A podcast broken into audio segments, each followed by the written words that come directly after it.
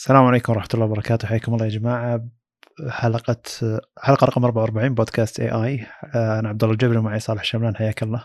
يا هلا يا هلا. آه، أول شيء بنتكلم عن مؤتمر أبل وعشان تكون الفكرة واضحة يعني ولا واحد فينا يستخدم شيء منتجات أبل لكن هذه وجهة نظر آه، أشخاص مطلعين على التقنية نوعا ما. ف بنشوف وش اللي أثار اهتمامنا والأشياء اللي ما أثارت اهتمامنا نهائيا لكنها أثارت اهتمام الناس اللي يحبون الشركة عموما. في البداية المؤتمر كان ب 15 سبتمبر 2020 وما تكلموا عن ايفون جديد تكلموا عن ساعة تكلموا عن آيبادين وتكلموا عن خدمات ركزوا عليها وركزوا بالتسويق عنها. في البداية تكلموا عن ساعتين من ساعات أبل هي نسخة الجيل السادس اللي تكلموا عنها. تكلمون حطوا عليها معالج اجدد يعطي شاشة أجدد الشاشة تعطي سطوع أفضل آه، إذا كانت على ال always on display علشان إذا كنت موجود آه، طالع في الشمس تبي تطالع الشاشة يقولون إنها تعطيك آه، رؤية أفضل. تكلموا عن المزايا الباقية مزايا يعني software ما هي مزايا hardware للساعة نفسها. لكن الأشياء اللي جت جديدة فعلا اللي هو مقياس اللي هو قياس نسبة الأكسجين بالدم.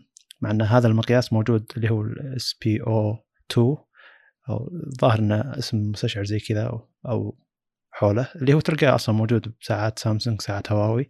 المستشعر موجود والمستشعر ما يعتبر مستشعر طبي يعني ما هو معتمد طبيا هو بس مستشعر علشان يعطيك فكرة عن نسبة الأكسجين بالدم عندك. ما يعتمدونه طبيا ولا ولا المقاييس حقتها دقيقة بحيث إنها تكون طبيا صحيحة. يعني الأجهزة حقت قياس الأكسجين بالدم الطبية آه، يعتمد عليها لكن آه، ساعة ابل أو المستشعر هذا عموما على أي ساعة موجودة يعتبر بس علشان يعطيك فكرة كم نسبة الأكسجين آه، بالدم عندك. ف تكلموا عن أشياء غريبة بالساعة يعني اللي هو إن حطوا لونين جديدة لون أزرق ولون أحمر الناس حبوا الالوان هذه. وبصراحة إضافة الألوان هو الشيء الوحيد اللي قاعد يميز الإصدار السادس عن اللي قبله. يعني لو ما في لو ما أخذت أي واحد من اللونين هذه ما راح ما حد يدري إنك ماخذ الاصدار السادس. بيكون زيها زي أي ساعة ثانية. فبيكون إقبال الناس على الساعات على الألوان هذه علشان يتميزون إنهم عندهم الإصدار السابع. يقولون إنها أسرع بمرتين من الإصدار الثالث. ما أدري ليش أسرع مرتين من الإصدار الثالث مع الإصدار الخامس نزل السنة الماضية. أنا أبي أعرف كم أسرع بكم من الإصدار الماضي مو الإصدار اللي قبل. سنتين تقريبا الاصدار الثالث فشيء يعتبر غريب. المهم إن الساعة محترمة هي أصلا ساعة أبل محترمة لكن هذا يعتبر تجديد بسيط اللي هو آه، كبروا حجم الشاشة شوي حطوا شاشة أحسن من ناحية السطوع. وأعلنوا عن ساعة ثانية اللي هي ال SE أول شيء خلينا نعطي السعر لهذه الساعة اللي هو ال Series 6 تبدأ من 399 آه، دولار اللي هي نسخة فيها GPS وشيء يعتبر جيد. أفضل في السطوع 2.5% أو 2.5 ضعف ضعفين ونص أقصد مو مو 2.5% 2.5% ما يعتبر شيء. والمستشعر أسرع ب 20 مره 20% أقصد.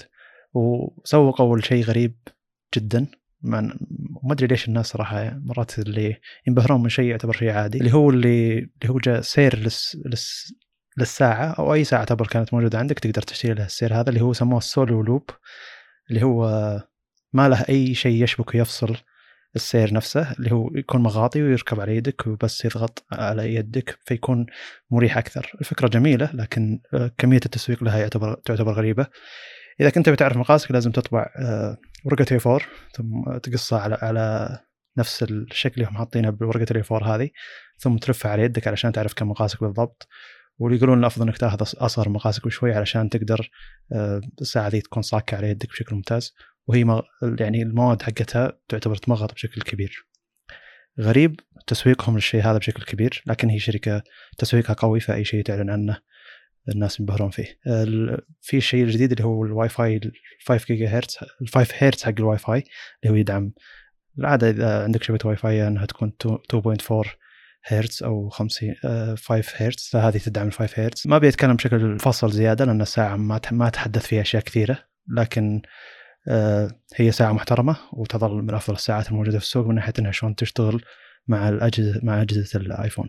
وأعلنوا عن الساعة الثانية اللي هي ال SE تعتبر نسخة رخيصة زي ما هي فكرة آيفون SE آه، بعدها بدأوا يتكلمون عن الخدمات حقتهم اللي هو أضافوا خدمة اسمها Fitness Plus أو أبل Fitness Plus اللي هو الاشتراك الشهري فيها 10 دولار في الشهر واشتراك سنوي 79 أو 80 دولار بالشهر. التركيز أبل على الاشتراكات عموما يعتبر شيء متوقع وقرأت لها مقالة قبل سبع شهور أو ست شهور تقريبا عن أن أبل تبي تبي تسوق للخدمات اللي هي تقدمها اللي خدمات ال digital ما هي ما هي الأشياء ال hardware اللي تبيعها. لأن تسويق الأشياء هذه إنك تسوق للشيء ذا وتبيعه مرة واحدة للشخص وهذا الشخص بيستمر يدفع لك بشكل شهري ويكون دخل ثابت للشركة بشكل شهري. وبعدين بعدين أعلنوا عن الخدمات اللي هي المتعددة حقت أبل اللي هو سموها Apple One على أساس تجمع لك كل خدمات أبل بمكان واحد. آه، وهي ثلاث آه، أنواع اشتراك اللي هي individual آه، اللي هو الشخص الواحد يجيب 15 دولار Apple Music مع Apple TV Apple Arcade مع 15 جيجا Cloud family اللي هو ب 20 دولار Apple Music مع Apple TV مع Apple Arcade مع 15 جيجا iCloud لكن الأجهزة متعددة ظهر لك إلى خمسة أجهزة. وفي Premier اللي هو 30 دولار اللي هو Apple Music مع Apple TV Apple Arcade iCloud تقريبا 15 جيجا أو 20 جيجا نسيت كم بالضبط. و Apple News و Apple Fitness فتركيز ابل على إنها تسوق الأشياء هذه تركيز قوي. وخلال السنتين الماضية ترى أضافت أغلب الخدمات الجديدة يعني Apple TV Apple Arcade و Apple Fitness كلها أشياء جديدة تعتبر. وركزت عليها بشكل كبير لأن واضح إنها دخل مفيد للشركة إنه يكون دخلها واضح شهريا من الخدمات اللي هي ما تكلفها كثير. هي خدمات digital يعني ما هي أشياء تبيعها وتسويقها يعتبر أبسط لأن آه، ما تحتاج تقنع الشخص كل مرة أو كل جهاز جديد إنه يشتري الجهاز الجديد. آه، تقنعه مرة واحدة وخلاص هو يشترك معك. إذا ما أخطيت بأي خدمة أنت قدمتها له وقدمت له خدمة ممتازة من ناحية الأشياء هذه بيكمل يشترك معك. بعدها أعلنوا عن الآيباد الجيل الثامن. آه، آيباد عادي معالج A12 يدعم القلم له لوحة مفاتيح. أسرع بمرتين من الآيباد العادي الماضي. آه، يبدأ من 329 آه، دولار. بس يعني ما تكلموا عن أشياء كثيرة فيه يعني. الآيباد اللي بعده اللي هو الآيباد Air اللي هو تغير بشكل ممتاز اللي هو جاء معالج ال A14 معمارية 5 نانو. خلينا نتكلم عن المعالج هذا بشكل أكثر. قالوا إنه آه، يعني مشكلة أبل إنهم يحطون 40% 30% 20% ما يحطون أرقام صراحة فهذا شيء يعتبر محير. أنا ما أدري وش هو A13 أداء أصلا عشان أعرف ال A14 Bionic أداء. ف خلينا نتكلم عنه بشكل ممتاز أو بشكل سريع. قالوا إنه بيفيد الناس اللي يبون يمنتجون ملفات ال 4K ممكن بيعطيهم أداء أفضل. 5 آه، نانومتر ما يعني كل الكلام تسويقي بحت يعني يقول لك إنه الأداء يعطيك أداء إلى 11 مليار عملية في الثانية. وش مستوى القياس هذا؟ وش له علاقة بباقي المعالجات؟ شلون المعالجات تدعم إلى 11 مليار عملية في الثانية؟ ف وش العمليات ال 11 مليار هذه؟ شيء غير قابل للقياس. لكن خلينا نركز على الأشياء القابلة للقياس اللي هو 40% أفضل أداء من ناحية ال CPU و30% أفضل أداء من ناحية ال graphics وقالوا إنه يدعم الذكاء الاصطناعي والذكاء الاصطناعي بيخليها أف... بيخلي المعالج أفضل بعشر مرات من المعالج الماضي. ما أدري وش القياس هذا أيضا. أشياء تعتبر غريبة يعني المعالجات المفروض إنك تعلن عن معالج تعطينا الأرقام حقتها لكن ابل من عادتها ما تعطي ارقام تعطي النسب عن الماضي. ونقدر نشوف ال benchmarks إذا نزل الجهاز. المفروض إن نعرف كيف يكون اداؤه عموما على الأقل نقارنه بال A13 يعني. هنا. على الأقل إحنا ما نبي نقارنه ب 865 مو مشكلة البيئة تختلف. بس نبي نعرف أداء مقارنة بال A13 للأسف ما نقدر نعرف. بس آه طيب الأشياء اللي غيروا فيها بال iPad Air الجديد اللي هو إنه حطوا البصمة في زر الشاشة يعتبر شيء جيد. آه، حطوا له الوان جديدة استغلوا مساحات الشاشة من ناحية الجهاز. آه، بيتوفر الشهر الجاي وسعره يبدأ من 599 دولار يدعم الواي فاي 6 ومنفذ ال USB-C. لا نفس ال iPad Pro ال iPad اللي قبله ما أظن يدعم أو ال iPad العادي للحين ما يدعم ال USB-C. أظن منفذ ال Lightning حقهم بدأ يخلص وبدأ خلاص يعني حطوا لهم USB-C على الآيبادات. آه بعدين بعدها تكلموا عن إن متى بيوصل iOS 14 بعدين متى بيوصل ال iOS iPadOS 14 ثم اللي هو ال Wear OS 7 الجميل انه لو معك iPhone 6s بيوصلك التحديث ولو معك ال iPad من ال iPad Air 2 آه إلى آخر iPad Pro اللي هو الجيل الرابع بيوصل لك ال iPadOS 14 ولو معك الساعات من الإصدار الثالث إلى الإصدار السادس بتندعم التحديث اللي هو ال watchOS 7 يعتبر شيء جيد. نعتبر هنا خلصنا المؤتمر. لخصته بشكل جيد. أنا صراحة يعني هو كان في شيء منتظر أتوقع الكل عارف هذا الشيء وكنت متحمس أشوف أنا صراحة يهمني شيء واحد بالآيفون الجديد. هل بيتغير تصميم الواجهة ولا لا؟ أتكلم تصميم الفيزيائي وليس الواجهة اللي هي اليو آي. يعني حتى الجهاز نفسه أكيد أنا ما يعني ما لي أي اهتمام فيه. آه لكن للأسف يعني طلع طلعنا من المؤتمر وبدون هذا الجهاز. آه طبعا ما تابعت المؤتمر بس قرأت ملخصات وكذا. طلعنا بدون هذا الجهاز فهذا الشيء حفز الناس أكثر وأكثر إنهم يركزون على أشياء غير مهمة يعني. زي موضوع اللون اللي ذكرته أنت في البدايه ويعني ما أدري وأنت تقرأ هذا الشيء صراحة أحس إنه محسن ولا لا؟ إنك تشوف ناس تركز على أشياء زي كذا. يعني المفروض إنه يكون الاهتمام بالأشياء أكثر يعني خلينا نقول أكثر فانكشناليتي مو بس أشياء مظهرية وإكسسوارات وغيره م. وهذا الشيء بعد يعني خليني أتذكر نقطة أخرى. سوق الساعات أنا ما أدري عنه. هل يعني بيستمر؟ أتكلم الساعات الفل مو اللي هو السوارات والأشياء اللي تعطيك الأشياء يعني الأجهزة اللي تعطيك الأشياء الأساسية كفتنس وغيره ونوم ومدري وشو فغريبة يعني إلى الآن هي مستمرة ب 400 دولار ولاقيه ناس تشتري. طيب يعني في في ميزة أنا صراحة تعتبر جميلة نوعا ما للعوائل بالذات يعني اللي هي ميزة مهمة ان تكون تقدر تعطي ولدك الصغير ساعة تقدر تربطها برقم وتقدر يعني ما مو لازم يصير معها آيفون تقدر تتواصل معه على الساعة بشكل مباشر.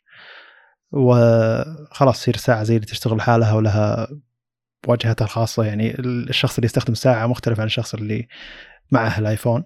وزي اللي ميزة تعتبر عائلية نوعا ما إنه يقدرون يتواصلون مع بعض. مسمينها family أو Family Setup اللي هو أه، تقدر تشبك أكثر من ساعة Apple على ال iPhone نفسه لكن الساعة الأساسية أه، ما تعتبر من ال Family Setup تعتبر ميزة جيدة صراحة. جيدة جدا للي ما يبي يشتري للطفل مثلا أه، جوال وبيعطيه ساعة على أساس إنه يقدر يتواصل معاه مثلا في أماكن عامة إذا طلعوا ولا يعني شيء جيد. كل ما استفدت من الأشياء الموجودة أكثر آه، تعطيك إمكانيات أفضل. فتعتبر فكره جيدة صراحة. تقدر تعرف الموقع تقدر تراسل تقدر تتصل. جميل بس آه، يعني هذه الميزة تعتبر شيء بسيط جدا مقابل السعر المطلوب. يعني أنا أسمع 400 دولار أقول هذه في أجهزة بهذا السعر. طبعا آه، أكيد هذه سياسة أبل وشيء صعب إنه جدا يتغير. بس لا يزال والله غريب جدا يعني الساعات بهذا السعر. يعني ولا يزال الأغرب انه تبيع الساعات يعني. لو شخص بيشتري ساعة جديدة فهل هل تستحق أصلا هل تفرق موضوع إنه يحرص على الجديد؟ هذه نقطة بعد حلوة. يعني مثلا شخص بيشتري آيفون غالبا بيأخذ آخر شيء موجود صح؟ بينما الساعة يشوف إنه لا بالعكس. إذا صارت اللي قبل عليها خصم وخصوصا الشكل ما يختلف لا أخذ اللي قبل والله أحسن لي الفكرة غريبة شو يعني ساعة أبل غريبة من ناحية إنها شلون قاعد تتطور تحس إنها ما قاعد تتطور خايفين إنها إذا تطورت بزيادة القديم يفقد قيمته أو إن الجديد يكون غير مرغوب خاصة إذا كان تصميمه ما يعجب الناس مع إنه ما أعتقد إن Apple تسوي تصميم مثلا ما يعجب غالبية الناس يعني هي تسوي تصاميم نوعا ما آه، الناس كلهم يعجبون فيها مو بس علشان تصميم جميل عشان الشركة Apple تنعرف إن هذا ال design حق Apple ف ينحب غصب يعني التحديث يعني من أول إصدار للساعة إلى رابع إصدار للساعة كان التحديث غير غير ضروري يعني وما في أي ذاك الفرق. فرق يعني آه، ممكن بطارية معالج أشياء زي كذا. لكن ما في فرق فعلي. الفرق الفعلي بالنسخة الخامسة إنهم أضافوا ال always-on display ال always-on display هي من أهم مزايا الساعات الذكية. ثم الحين هذه أضافوا لها كم لون لأن ما في إضافات فعلية. أتوقع لو يعني يركزون على سالفة البطارية بشكل أكبر يكون التحديث يشكل أهمية أكبر يعني أنا بالنسبة لي يعني إذا كنتوا أنتم يعني كالناس اللي يستخدمون ساعات أبل يكون راضي مثلا إنه ساعة تعطيه يوم يومين ثم فجأة تجي ساعة تعطيه خمس أيام ست أيام أه، صدقني بيفكر بالتحديث لأنه بتريحه حتى لو ما في أي مزايا جديدة بس مجرد إن العمر عمر البطارية أطول. طيب ننتقل. أه انتقل اللي بعدنا. الخبر اللي بعده ان آه، انستغرام بيضيف إمكانية إضافة الروابط في وصف المنشورات سواء فيديو أو صورة. إذا أرسلت فيديو أو صورة هذه كانت يعني من 2012 إلى الحين تعتبر مشكلة إنك إذا تبي تدل متابعينك على أي رابط. لازم تقول لهم روحوا الرابط اللي في البا في البايو عندي في الصفحة ثم يروحون له. وبعدين مثلا إذا أنت كان عندك صفحة رئيسية مثلا فتشيل تشيل الصفحة ذي مؤقتا تحط الشيء اللي أنت بتدلهم عليه ثم بعد فترة ترجع الصفحة الرئيسية حقتك وتشيل الرابط اللي أنت دليتهم عليه فشيء يعتبر مزعج نوعا ما. آه، قريت تحليل قبل فترة الاكثر من شيء انه وتناقشنا المشكلة فيها أنا وصالح قبل البودكاست ومرات إذا تناقشنا بشيء قبل البودكاست ما يكون مفاجأة بالنسبة لنا إن نتناقش فيه بالبودكاست لكن مو مشكلة نكون نتوسع فيه أكثر كل واحد يوضح وجهة نظره بشكل ممتاز عموما التحليل اللي جاء هو تحليل إحصائي بحت يعني ما يتكلم بوجهة نظر مبرمج يتكلم بوجهة نظر شخص يهتم بالإحصائيات ويشوف إن الشركة تهتم بالإحصائيات فعلا. أه بتكلم من وجهة نظر ثانية اللي هو ال algorithms حقت يوتيوب. أه يوتيوب أه شيء غريب جدا إنها شلون تسوق المقطع حقك وتحطه للناس بالواجهة الرئيسية أو من ضمن الاقتراحات حقت مقاطع ثانية أو إنها ما تحطه الشروط حقتهم تعتبر غريبة وال algorithms حقتهم تعتبر ذكية فعلا. لكن أكثر من شخص باليوتيوب اللي هم يسوقون لأشياء ثانية عادة. فأنا مثلا أتابع شخص آه، دائما يشرح عن الكاميرات ويتكلم عن الكاميرات بشكل مفصل لكن التفصيل مو كافي فيتكلم 10 دقائق إلى ربع ساعة عن الكاميرا. ثم يقول إذا كنت تبي آه، تفاصيل أكثر روح للموقع حقي اللي هو أتكلم فيه مثلا مدة ساعة ساعة ونص عن عن الكاميرا ذي نفسها أشرح كل تفاصيلها. فالناس واجد تدخل موقعه وتدخل يعني مقطع على اليوتيوب ثم تكتشف إنه أوه في مقطع ساعة ونص خلينا نروح نشوف الكاميرا هذه إذا كان هو مهتم بالكاميرا هذه. فهذا يسبب إن الناس تترك اللي تترك صفحة اليوتيوب اللي هم فاتحينها إذا ما كان فاتحها من المتصفح طبعا إذا كان فاتحها من الجوال وضغطت على الرابط خلاص بيخلي اليوتيوب كأنه يشتغل بالخلفية أو كأنه سكر اليوتيوب خاصة إذا كان فاتح أكثر من تطبيق. عموما إنه يوتيوب بعد فترة يبدأ يلاحظ إن الناس تفر في اليوتيوب لمدة ساعة أو ساعة ونص ثم توصل لمقطعك أنت ثم تطلع من مقطعك بسبب إنك حاط رابط معين. تبدأ ما تروج مقاطعك للشيء هذا وهذا الشخص اشتكى من هالشيء بأكثر من طريقة والناس تفاعلوا معه كثير صراحة إنهم قالوا إنه فعليا إن إحنا نسوق لأشياء معينة مقاطعنا على يوتيوب لكن علشان نسبب إن الناس يطلعون من اليوتيوب اليوتيوب ما صار يروج مقاطعنا. وترى شيء ملاحظ جدا إذا يوتيوب سوق مقطعك أو ما روج مقطعك. يعني أنا عندي مقاطع توصل 100 ألف أو في مقطع ثاني واصل 250 ألف. يوضح جدا إن هذا المقطع أنا ما شديت حيلي فيه بذيك الدرجة لكن يوتيوب سوقه. ليش؟ وش السبب؟ أنا ما أدري شخصيا. للحين ما أدري ليش قاعد ينقي مقاطع من مني أنا ويسوقها ومقاطع ما يسوقها. الشخص اللي حلل التحليل هذا نفسه هو حلل انه ليش إنستغرام أيضا ما يبون يحطون آه، روابط في الوصف؟ ما أدري إذا كان هذا منطقي أو غير منطقي شيء قابل للقياس شيء نقدر نلقى الحقيقة حقتها أو لا. لكن أنا شخصيا اشوفه تحليل نوعا ما منطقي وأشوف إن فيسبوك عندها جزء من المصلحة في الشيء ذا. إنها ما تبي تحط روابط في الوصف عشان ما تسهل خروج الناس من التطبيق. وتخلي ساعاتهم من ناحية جلوسهم على على نفس صفحة إنستغرام أو أه تطبيق إنستغرام أه ساعات أطول. و صالح ما يوافقني فاطرح وجهة نظرك يعني أو ممكن أنت تقول إن هذا مستبعد فليش؟ أه طبعا مثل ما قلنا قبل في نقاشنا أنا ردي عليك فقط إن آه مو خطأ كلامك ابدا ما اصنفه خطأ نهائيا بس أنا أشوف إنه مثل ما قلت لك ذاك اليوم إن وجهة النظر هذه ما هي شاملة لجميع النواحي اللي ممكن تسبب إن أي منصة تقلل من وجود الروابط. آه أنا بس اللي أبي أقوله إن الأسباب جدا كثيرة في أسباب مرتبطة باللي قلته أنت أكيد أتوقع 30% من كلامك صحيح. يعني أو إنه 30% من السبب الحاصل. آه الباقي أشياء أخرى في أشياء جدا متعلقة بالأمان. آه وبعطيكم مثال بسيط على موضوع الأمان اللي هو الشيء يسمونه cross-site scripting XSS فكرة ال cross-site scripting إنه يصير مثلا آه انت داخل على موقع الموقع هذا آمن بشكل ممتاز وعالي جدا حلو؟ آه يجيني شخص يحاول يعني يحط مثلا موقع فيه تعليقات ايا كان الموقع هذا فهو يحط بالتعليق رابط الرابط هذا آه، يعني غير آه، صحي مثلا. فهو الشخص هذا حط الرابط هو ما يستهدف المنظمة نفسها أو الجهة أو الموقع نفسه هو يستهدف المستخدمين. فعشان كذا سموه كروس سايت عموما. هذه الحركة آه لو دعمت أنا وجود الروابط بدون أي تحكم عليها أبى أخلي توفرها يعني أو وجودها منتشر بشكل كبير جدا. يعني بعطيك مثال. تويتر مثلا يعني أتوقع كلنا شفنا قد إيش الروابط اللي فيه يعني غير صحية نهائيا صح ولا لا؟ ويعتبر ب... يعتبر يعني بغض النظر عن التحكم بوجود الروابط هذه تويتر نفسه يعتبر بيئة غير صحية أصلا آه، لوجود هذه الأشياء. يعني محفزة زي مثلا موضوع ويندوز وكثرة المستخدمين فيه يحفز حقين ال malware إنهم يحطون الفيروسات حقتهم. يعتبر يعني بس خلينا ناخذها من هذا المنظور. كونه محفز خل موضوع إن الموقع يحاول يدافع عن هالشيء ولا لا. فهو تويتر صار بيئة خصبة جدا وبشكل كبير لهم. حلو؟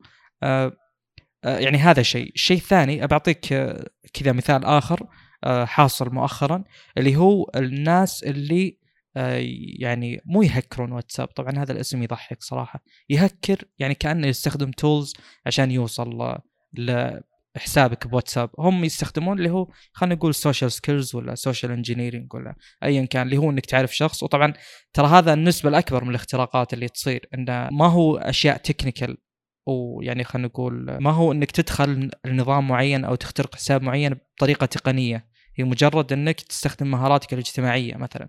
فاللي حاصل باختراقات واتساب اللي حصلت مؤخرا إن شخص يجي يحط هويته واسمه مشابه جدا لشخص آخر أنت تعرفه اللي تتابعهم يتابعونك. مثلا واحد يقرب لك ويكلمك ويقول لك آه، بدخلك ب group معنا بواتساب ولا شيء وثم يقول لك أرسل لي الكود لأن ال group هذا محمي بكود. زين؟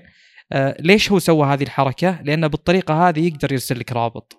زين؟ جميل. بينما إيه فشفت يعني أنا بس بعطيك مثال بسيط كيف إن الروابط آه ترى تعتبر اعتبار كبير لأي آه، منصة. الروابط أمر حساس جدا وأشوف إنه يعني شيء لا تقدم عليه إلا وأنت قادر تسكر أو يعني تحد من مخاطره بشكل كبير جدا. وهذه أشياء ما يقدرون عليها مثلا منصات زي تويتر. تويتر أتوقع يعني لو تدقق فيه بشكل بسيط تكتشف قد إيش يعني هو في مشاكل. صح ولا لا؟ ما أدري إذا تلاحظ هالشيء ولا لا. تويتر فيه مشاكل جذرية يعني قد صارت قبل فترة فكرة إنك تفتح تغريدة والتغريدات اللي تحتها ال private يحطها لك تويتر بس يقول لك ترى ما يمديك تشوف هذه التغريدة. هذا الشيء يعتبر يعني. إي هذا الشيء يعني يعتبر خطأ يعني بشكل كبير جدا جدا. وغيرها من المشاكل حق تويتر اللي هو إنك تفتح ترند مثلا آه، وعلى كيفه. في آه، بعض يعني ال trends بعض ال hashtags مثلا يقول لك عدد تغريداتها. بعضها ما يقول لك ليش طيب؟ بناء على أي أساس أنت قلت كذا وما قلت كذا. وفكرة إنه أصلا صار يعني عشانك إذا عشان توصل الشيء للترند تقدر تدفع فلوس وخلاص. انتهى يعني. بغير سالفة ال promotion آه، وإذا دفعت فلوس شلون بيوصل هاشتاجك ترند؟ بيوصل بالروابط هذه اللي حقت الإعلانات. فانا أشوف إن كل المنظومة هذه بس تعطيك كذا نبذة بسيطة قد إيش. يعني آه، هذا ترى الكلام اللي أقوله يتكامل مع كلامك. اللي هو فكرة إنه صح إني أنا ما أبيك أطلعك ما أبي أطلعك من الموقع حقي أو المنصة حقتي والشيء الآخر أنا ابي احميك أصلا. زين؟ فأنا أشوف إنه مثل ما قلت آه، الموضوع يرتبط بعوامل كثيرة جدا وشيء ما تقدر تسوي له امبلمنتيشن إلا وأنت تحاول تحد من مخاطرة بشكل كبير. وبالنسبة لي وجود هذه الروابط يعني كأنك تحس برخص المنصة اللي أنت فيها صح ولا لا؟ تويتر حلو. يعني مرة مرة شكل الروابط سيء جدا. ولا وتويتر يحط لها preview ترى. هذا يزيد المشكلة. يعني هو ما هو مجرد رابط وانتهى. لا هو يحط لك صورة عن وش الموقع اللي أنت بتدخله. فياخذ مكان من ال timeline ويخرب وأشياء كثيرة أخرى. واللي يضحك بعد بتويتر معليش أنا شوي خليت النقاش ينتقل لتويتر وضربت فيه مثال يعني كثرت كلام عنه. بس اللي يضحك إني مرة من مرات أذكر نزلت صورة بتويتر. الصورة هذه يعني صورة أنا مشتغل عليها وكذا حلوة كنت حاطه أصلا خلفية عندي بالجهاز. ففي شخص قال نبي آه، دقة كاملة لها. فحطيت رابطين درايف جوجل درايف رابط آه، للصورة 16 9 ورابط 21 9 زين؟ فعشان بس يعني آه، أرضي جميع الأذواق مثلا. فللأسف تويتر قال لي ما راح نرفع تغريدتك. ليش؟ يقول لأنها واضح إنها فيها فيها خلل يعني. آه، أتوقع إنه يقصد فكرة اللي ينشرون الروابط ذولا.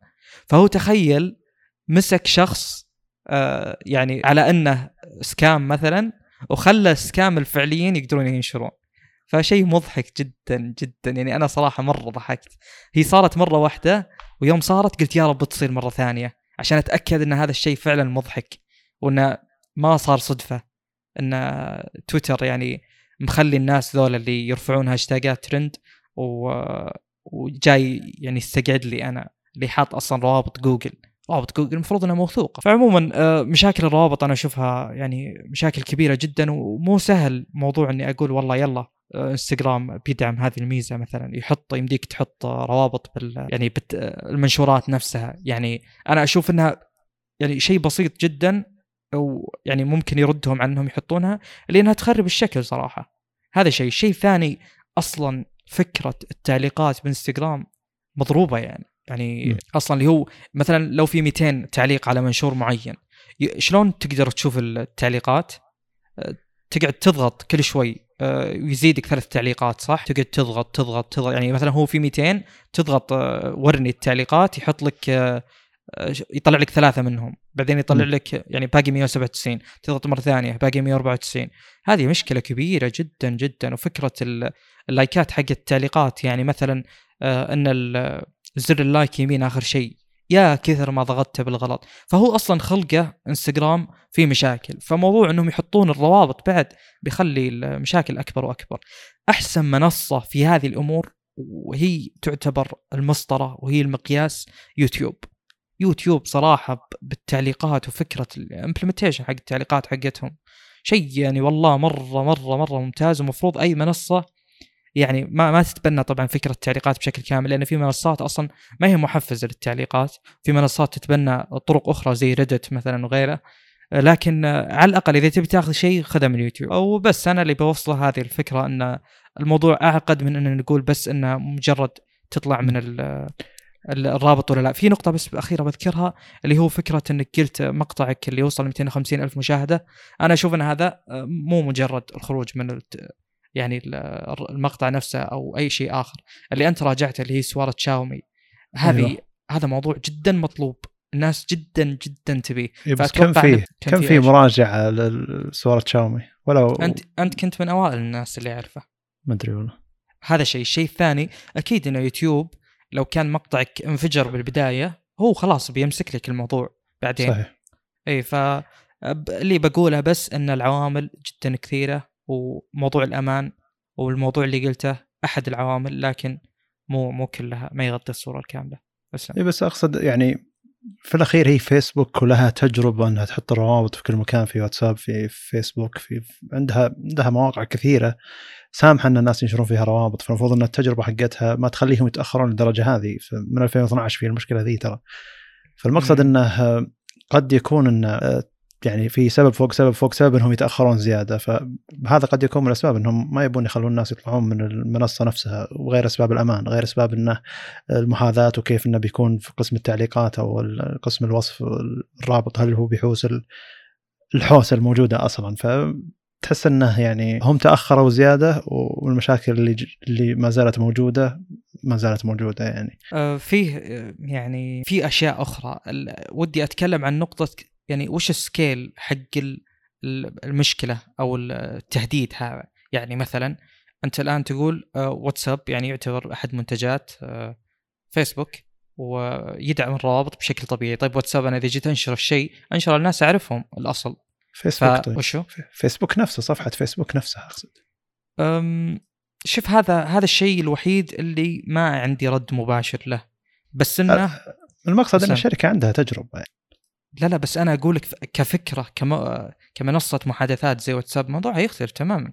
بالعكس م. نشر الروابط بيكون هناك. بس أنا أقصد إذا صار عندك المكان يعني المنصة كبيرة وفكره النشر حقها عن خلينا نقول structure حقها آه يعني اي شخص درس برمجة يعرف موضوع يعني العلاقات مثلا بين ال objects يعني مثلا في عندنا شيء linear يعني واحد له علاقة مع اثنين اثنين لها علاقة مع ثلاثة. آه عندنا شيء آه اللي هو يسمونه graph.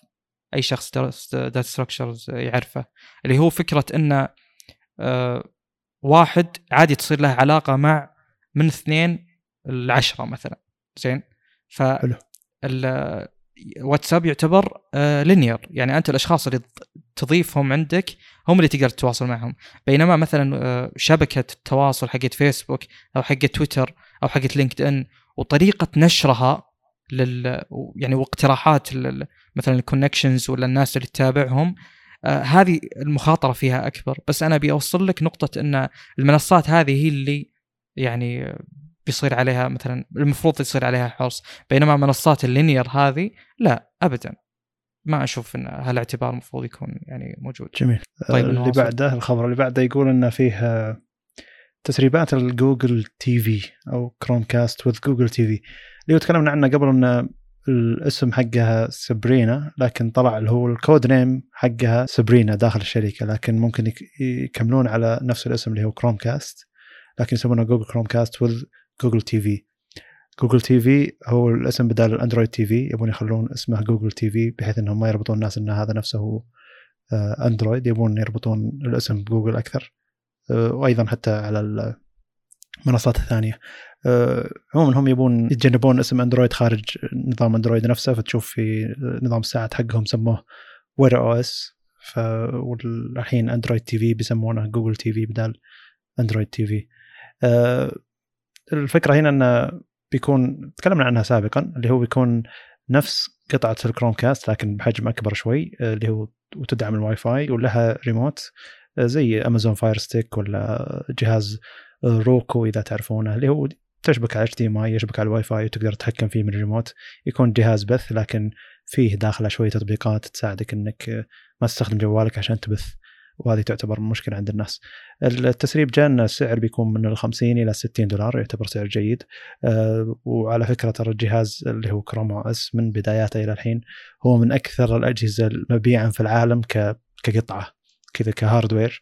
هو من أكثر الأجهزة مبيعا في العالم. يعني أظن فيه ال PlayStation أظن وصل إلى 120 120 مليون جهاز مبيوع. ظهر بس PlayStation 4 بس كاسم PlayStation هو من أكثر الاجهزه مبيعا في العالم وأيضا ال Chromecast باصداراته كلها هو من أكثر الاجهزه مبيعا في العالم كقطعة. فأظنهم ما يبون يطلعون من اسم Chromecast Sabrina بيعتبر شيء جديد على الناس بيسوقون له من جديد فلما يحطون له اسم زي اللي Google Chromecast Google TV يكون شيء جيد.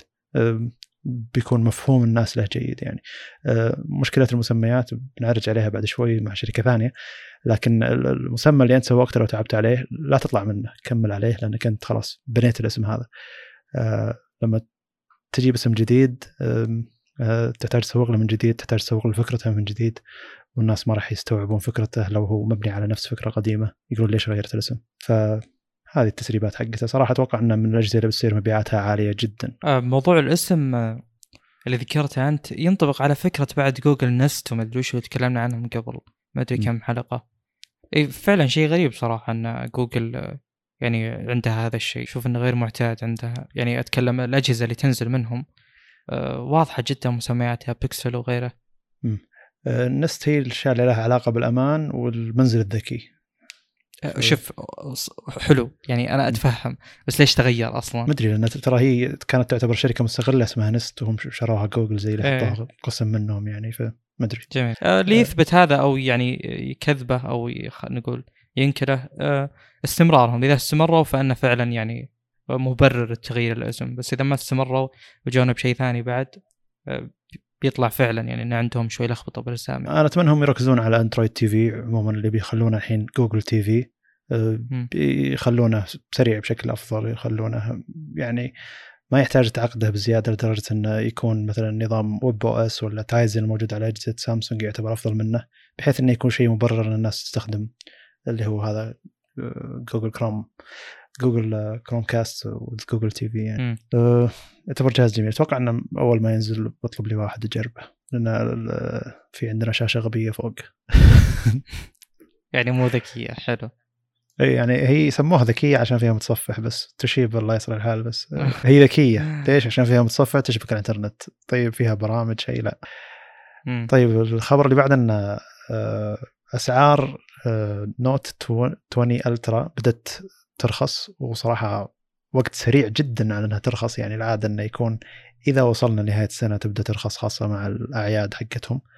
لكن آه، بدأ يرخص الحين بشكل واضح. النسخة ال 128 جيجا ال 5G نسخة Snapdragon موجودة في أمريكا أمازون أمريكا ب 1099 دولار ونسخة 512 ب 1250 دولار. فنسخة ال 512 أرخص من نسخة من نسخة ال 128 قبل شهر ونص أو شهرين. فعشان عشان كذا دايم أقول أول ما تنزل اجهزه سامسونج أعطها شهر شهرين وصدقني فرق السعر بيستوى يعني. الحين تقريبا فرق السعر كم هو؟ كان 1300 دولار إلى 1100 دولار ونسخة 512 كانت تقريبا 1550 ظاهر وحولها والحين صارت 1250 الحين شيء معتاد عند سامسونج. بس هل هذا نزول آه، محلي؟ آه، لا صح؟ لا محلي لا. أيوه كانه محفز إنك بعد تشتري الكوالكم مرة واحدة. بس أظن عموم سعر المحلي أرخص شوي لما تحسب فارق تحويل العملة وذا الهوسة ذي يعني مع الشحن يطلع لك شوية هوسة. لكن الحين مع انخفاض السعر بيكون جدا منطقي يعني بيكون بعد فترة شهر شهرين بعد بيكون سعر جدا منطقي مقابل الأشياء الموجودة في السوق. لأن آه، أجهزة مثلا ون بلس تمسك سعرها أجهزة اوبو تمسك سعرها. الغريب ان أوبو اجهزتها تمسك سعرها. فالمقصد ان أجهزة كثير تمسك سعرها لأن أصلا حاطين سعر ما يقدرون يخفضونه بعد فترة. لكن سامسونج ما أدري إيش الفكرة إنهم يحطون سعر غالي وبعد شهر شهرين ثلاثة هم نفسهم يخفضون السعر مو المتاجر اللي تخفض السعر. آه، ممكن يبون يكون مفهوم إن الجهاز هذا بريميوم وبعد فترة لما يخفضون سعره تكون أنت زي اللي تتحفز إنك تشتري جهاز ب 1100 دولار هو الأصل كان سعره ب 1400 دولار. ممكن هذا يحفز المبيعات بزيادة. ما أدري ممكن خطة تسويقية وإحنا ما أدري عنها. بس آه، ولا المستخدم اللي قاعد يشتري من أول يوم ينزل الجهاز أو أول شهر ينزل الجهاز هذا وش بيقول بعد شهرين ثلاثة؟ مع إنه أستخدم الجهاز يعني لكن إذا كان المبلغ 250 دولار نقص نقص سعر الجهاز فترى مو بسيط يعني. والعادة ال Note بعد يمسك سعره أكثر من آه، اللي هو سلسلة S غريب صراحة. ما أدري. يعني فعلا. ترى ممكن المبيعات عموما يعني. مم. المرة ذي ترى أبكر بمراحل يعني العاده ثلاث أربع شهور ثم ينزل السعر ذا الحين صح صح. الحين إيه، أبكر بكثير. وممكن عشان المبيعات يعني هم تفاجئوا أول شهر شهرين ما في المبيعات اللي جت على ال Note 10 Plus مثلا أو فقالوا خلينا نخفض السعر ممكن. طيب آه، نواصل. نواصل. آه، في جهاز آه، نزل من سوني اسمه Xperia 5 هو كان عندنا Xperia 5 تكلمنا عنه قبل ما أدري كم قبل كم شهر. الآن فيه Xperia 5 الجيل الثاني Xperia 5 2 فالاسم جدا صراحة يلخبط يعني واصلا أنت تفتح الجهاز والله يعني أنا أتكلم شخصيا ما أناظر الاسم أشوف المواصفات عشان أعرف هو جديد ولا لا لأن ما ضعت أنا. يعني الجهاز الجاي وش بيكون؟ اكسبيريا 5 3 ما أدري والله. يمكن يجينا اسم ثاني مختلف كليا لكن عموما مو أول مرة من سوني يجينا هذا الشيء. الجهاز المفروض إنه ينزل قريب أعلن عنه 17 سبتمبر اللي هو قبل أمس أو قبل ثلاث أيام. فيه يعني يعني العادة الأجهزة الجديدة تكون متقاربة في أمور معينة. يعني مثلا خلينا نقول حجم الشاشة الأسبكت ريشيو الوزن. الحين مثلا صرنا نشوف أوزان 190 إلى 220 مثلا. فمن أبرز الأشياء اللي يختلف فيها الجهاز أول شيء طبعا أبعاده اللي هي قريبة من 21 9 والوزن اللي هو 163 فيعتبر خفيف جدا. أه حلو. أه الجهاز اي بي 68 أه كالعادة طبعا من سوني. أه الشاشة أه 6.1 جدا يختلف عن الباقي ومع ال aspect ratio حقه يعتبر صغير جدا. فالوزن يعني أه أكثر منطقية بهذه الحالة. ال screen to body ratio screen to body ratio إيه 81 8.9 فيعتبر قليل جدا جدا. الجهاز ترى يشبه ال Note 9 إذا تذكرون إنه فيه فوق يعني جبهة وتحت فيه chin فتقريبا نفس الشيء يعني كأنك تأخذ ال Note وطولته شوي. هو ما يفرق ترى عن ال Xperia 5 الأساسي. طيب لازمين على ال 21 9 الشاشه يعني. امم بالضبط. شو اسمه بس الآن ال resolution أقل بشكل كبير. هم نزلوا نسخة أذكر أول واحد 21 9 كان الطول 4K والعرض 1600 زين. الآن لا آه 2520 اللي هي تقريبا آه standard حق 21 9 standard 2560 ب 1080 فخلوه خلوه يعني full HD plus 21 9 على المعلن يعني آه ال PPI 449 يعتبر أعلى من ال يعني خلينا نقول الأجهزة ال full HD اللي بالفئة طقة ال K 30 Ultra وغيرهم اللي حول ال 400 طبعا هذا يرجع للحجم بشكل أساسي. آه، 120 هرتز. وهذه أول مرة آه، يعني يطلع من سوني شيء 120 آه، المعالج 865 العادي مو ال plus والجهاز يجي بإما 128 مع 8 جيجا أو 256 أيضا مع 8 جيجا. UFS ما هي معلنة يعني وش نوع ال- الذاكرة الداخلية. الكاميرات كلها 12 ميجا بكسل آه، اللي وراء. آه، حده آه، 4K وهذا شيء غريب صراحة. المفروض إنه يقدر على ال 8K بس إنهم حاطين 4K إلى 120 آه، الكاميرا الأمامية 8 ميجا بكسل آه، فيه آه، 3.5 منفذ ال jack منفذ السماعة. وهذا شيء يعني ما أدري إذا هو شيء جيد ولا لا بس إنه من قلائل الأجهزة اللي لا زال فيها هذا الشيء. طبعا إذا وصل لنا هذا الجهاز إذا انتشر هو بالأساس. stereo speakers البصمة آه، تجي على الجنب. آه، والشحن آه، 21 واط والبطارية 4000 آه، ملي أمبير. السعر الأصل إنه آه، 900 يورو خلينا نقول 900 دولار. آه، 960 960 رسمي. اي 960 دولار هذا سعر رسمي. جميل. آه، طيب صراحة الجهاز على مواصفاته هذا ما يعتبر آه، خلينا نقول premium flagship يعتبر flagship نعم. بس أنا ما يعتبر premium الأمور كثيرة من ضمنها خلينا نقول آه، دقة الشاشة. البطارية 4000 تعتبر جدا أقل من المعتاد. عدم وجود ال 8K اللي أشوفه مو مهم لكن الكل يجيب 8K آه، ما في 12 جيجا RAM. ما تعتبر من الخيارات أصلا. آه، هذه أيضا مشكلة. آه، يعني في أشياء كثيرة ما تحسسك إن هذا الجهاز flagship وفي أمور أخرى يعني يعني مثلا أنا أتكلم شخصيا من زمان ما استخدمت جهاز سوني. فأنا ما أدري هم وين وصلوا أصلا بتطوير خلينا نقول تجربة المستخدم عندهم وتطوير الكاميرا وغيره إيش رأيك أنت؟ هم في النسخة اللي قبل ذي أو في نسخة مركزين فيها جدا على الكاميرا اللي هم جابوا واجهة software الكاميرات حقتهم. هي واجهة تطبيق الكاميرا حقهم. فلما تستخدم أنت كاميرات سوني تدخل على تطبيق كاميرا سوني اللي باجهزه سوني Xperia وتحصل إنك كأنك قاعد تستخدم كاميرتك الاحترافية ما زلت يعني. والاعدادات الخيارات ال- جابوا كثير منها من ناحية الأسلوب اللي موجود في كاميرات سوني اللي هي آه، كاميرات سوني معروفة أقصد ال mirrorless.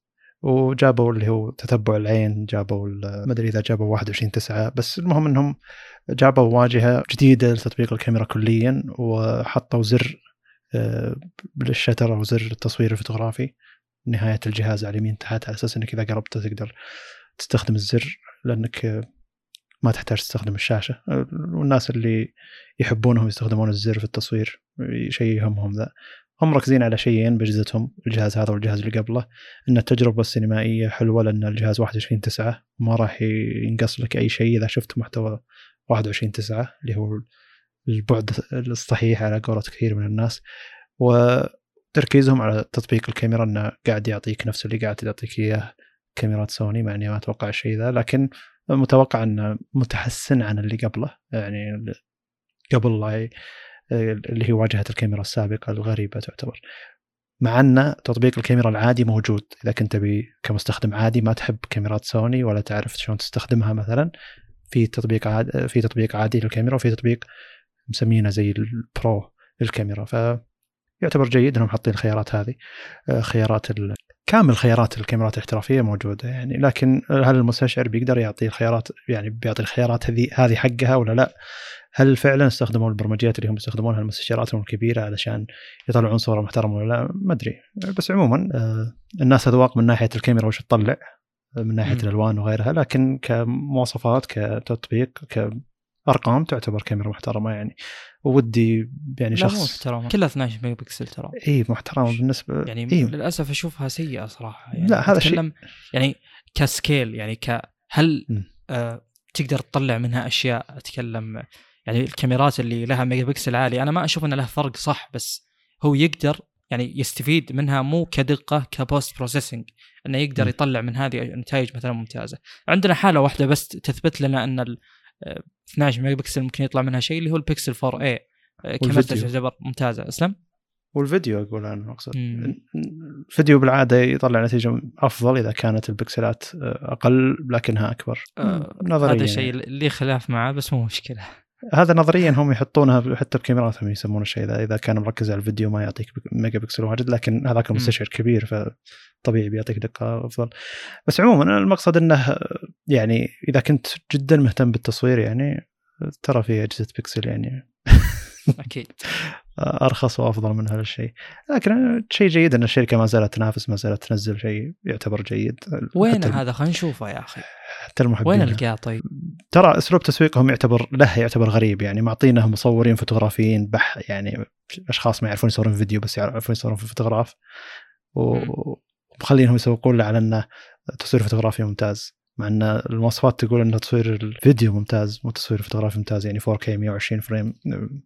هذا شيء نبيه بكاميراتهم ال mirrorless يعني مو بس ال ال جيبوا المستشعر ذا يعني مو المستشعر جيبوا المعالج ذا حطوه بالكاميرات. فعلا. والله شيء غريب صراحة أنا فكرت فيه كثير.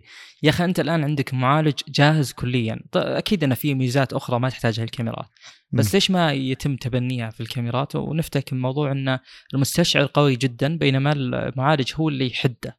صحيح. شيء غريب صراحة. والناس حقين الكاميرات ما عندهم مشكلة يدفعون لأنه وش سعر المعالج عند عند سعر الكاميرا أكيد يعني؟ أكيد ولا, أكيد ولا شيء. بالضبط.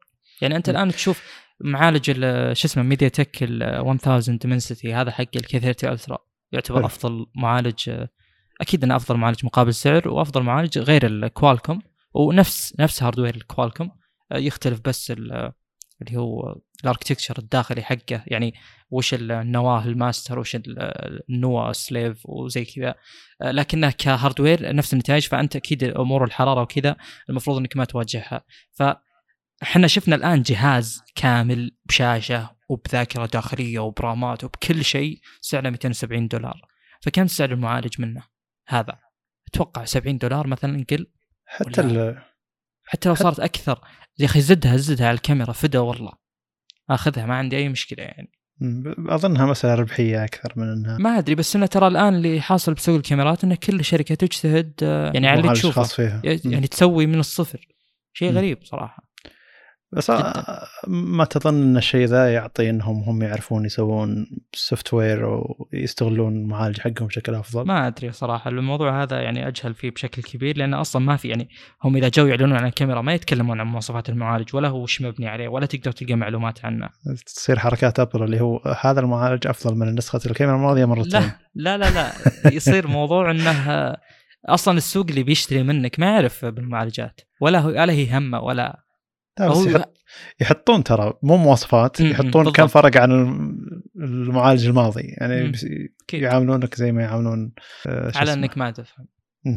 طيب نواصل نواصل آه هذا استكمال على موضوع تكلمنا عنه قبل اللي هو كروت إنفيديا إحنا تكلمنا مرتين الظاهر عنه آه المرة الأولى قبل الإعلان وكنا نتكلم إحنا مو متأكدين من المواصفات ثم تكلمنا عن الإعلان وقلنا لكم يا جماعة يعني آه الكروت مرة ممتازة ومرة واعدة بس إنه ال hype اللي صاير فوق ال فوق ال- المعقول. يعني فكرة إنك تصدق تماما إن الكروت هذه بتوصل إلى ضعف الأداء بالراحة يعني هذا شيء آه، ما قلنا مو حقيقي بس إنه الأصل إنك ما يعني أنت الآن قاعد تسمع من الشركة نفسها أكيد هي بتلمع منتجاتها الجديدة آه، فغلط إنك تسمع من مصدر واحد. هذا خطأ وليس وجهة نظر يعني خطأ تماما إنك تسوي هذا الشيء.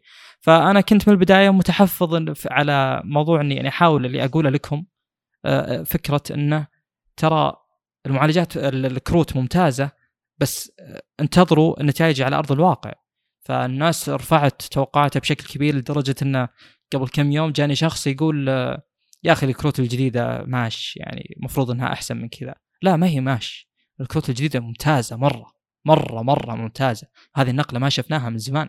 يعني أنا حضرت النقلة إلى ال- خلينا نقول 980 أو 900 يعني ثم إلى 1000 ثم إلى 2000 والآن حضرت هذه النقلة يعني كنت متابع وكذا فأقول لك هذه أفضل نقل نقلة حصلت بالراحة يعني يعني أصلا قلت لكم قبل كم حلقة فكرة إن آه، النقلة من 1000 إلى 2000 كان آه، أبرز آه، طريقة تسويقية لها اللي هو ال ray tracing صح؟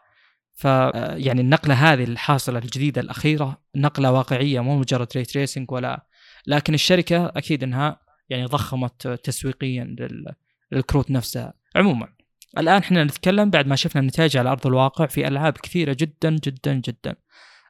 ابى اختصر لكم ال benchmarks والاختصار هذا جدا أشوف إنه يعني يلخص اللي حاصل.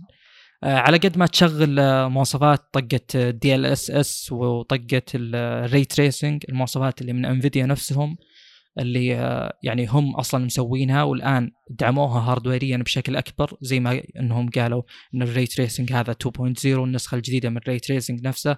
على قد ما تشغل المواصفات الأداء بيفرق معك بشكل كبير جدا. يعني الكرت اللي نزلت آه، تجارب الأداء له اللي هو 3080 380 آه، مقارنة بال 2080 فرق الأداء تقريبا على أعلى أعلى اعدادات ك graphics يوصل يعني إلى 70 80% ترى. آه، الفرق كبير جدا. نتكلم على 4K 2160p يعني 3840 ب 2160 مو أكثر أو أقل من كذا لأن في أكيد ال aspect ratio يحكم. على هذا على هذه الإعدادات وكل شيء max الأداء ترى يعني يبدأ معك تقريبا من 30% إلى 70% الأداء جدا محترم في هذه الحالة مقارنة بال 2080 السوبر. حلو؟ فأنا أشوف إنه جدا يستحق آه إنه يعني آه اني نصفق لهذا الكرت. آه يعتبر مرة ممتاز إنك تعطيني كرت بنفس الأداء بنفس السعر وبقفزة تعتبر كبيرة جدا بالأداء، أنا قلت لكم توقعوا من 15 إلى 25% لأن هذا المعتاد. بس لو تبي ترفع الإعدادات ال scale معك بيرتفع بشكل أكبر. بتحصل على فرق بعض الألعاب يعتبر كبير جدا جدا جدا على 4K full الاعدادات طبعا ما أتوقع ان في ناس تلعب 4K أصلا شاشات ال 4K gaming تعتبر قليلة جدا.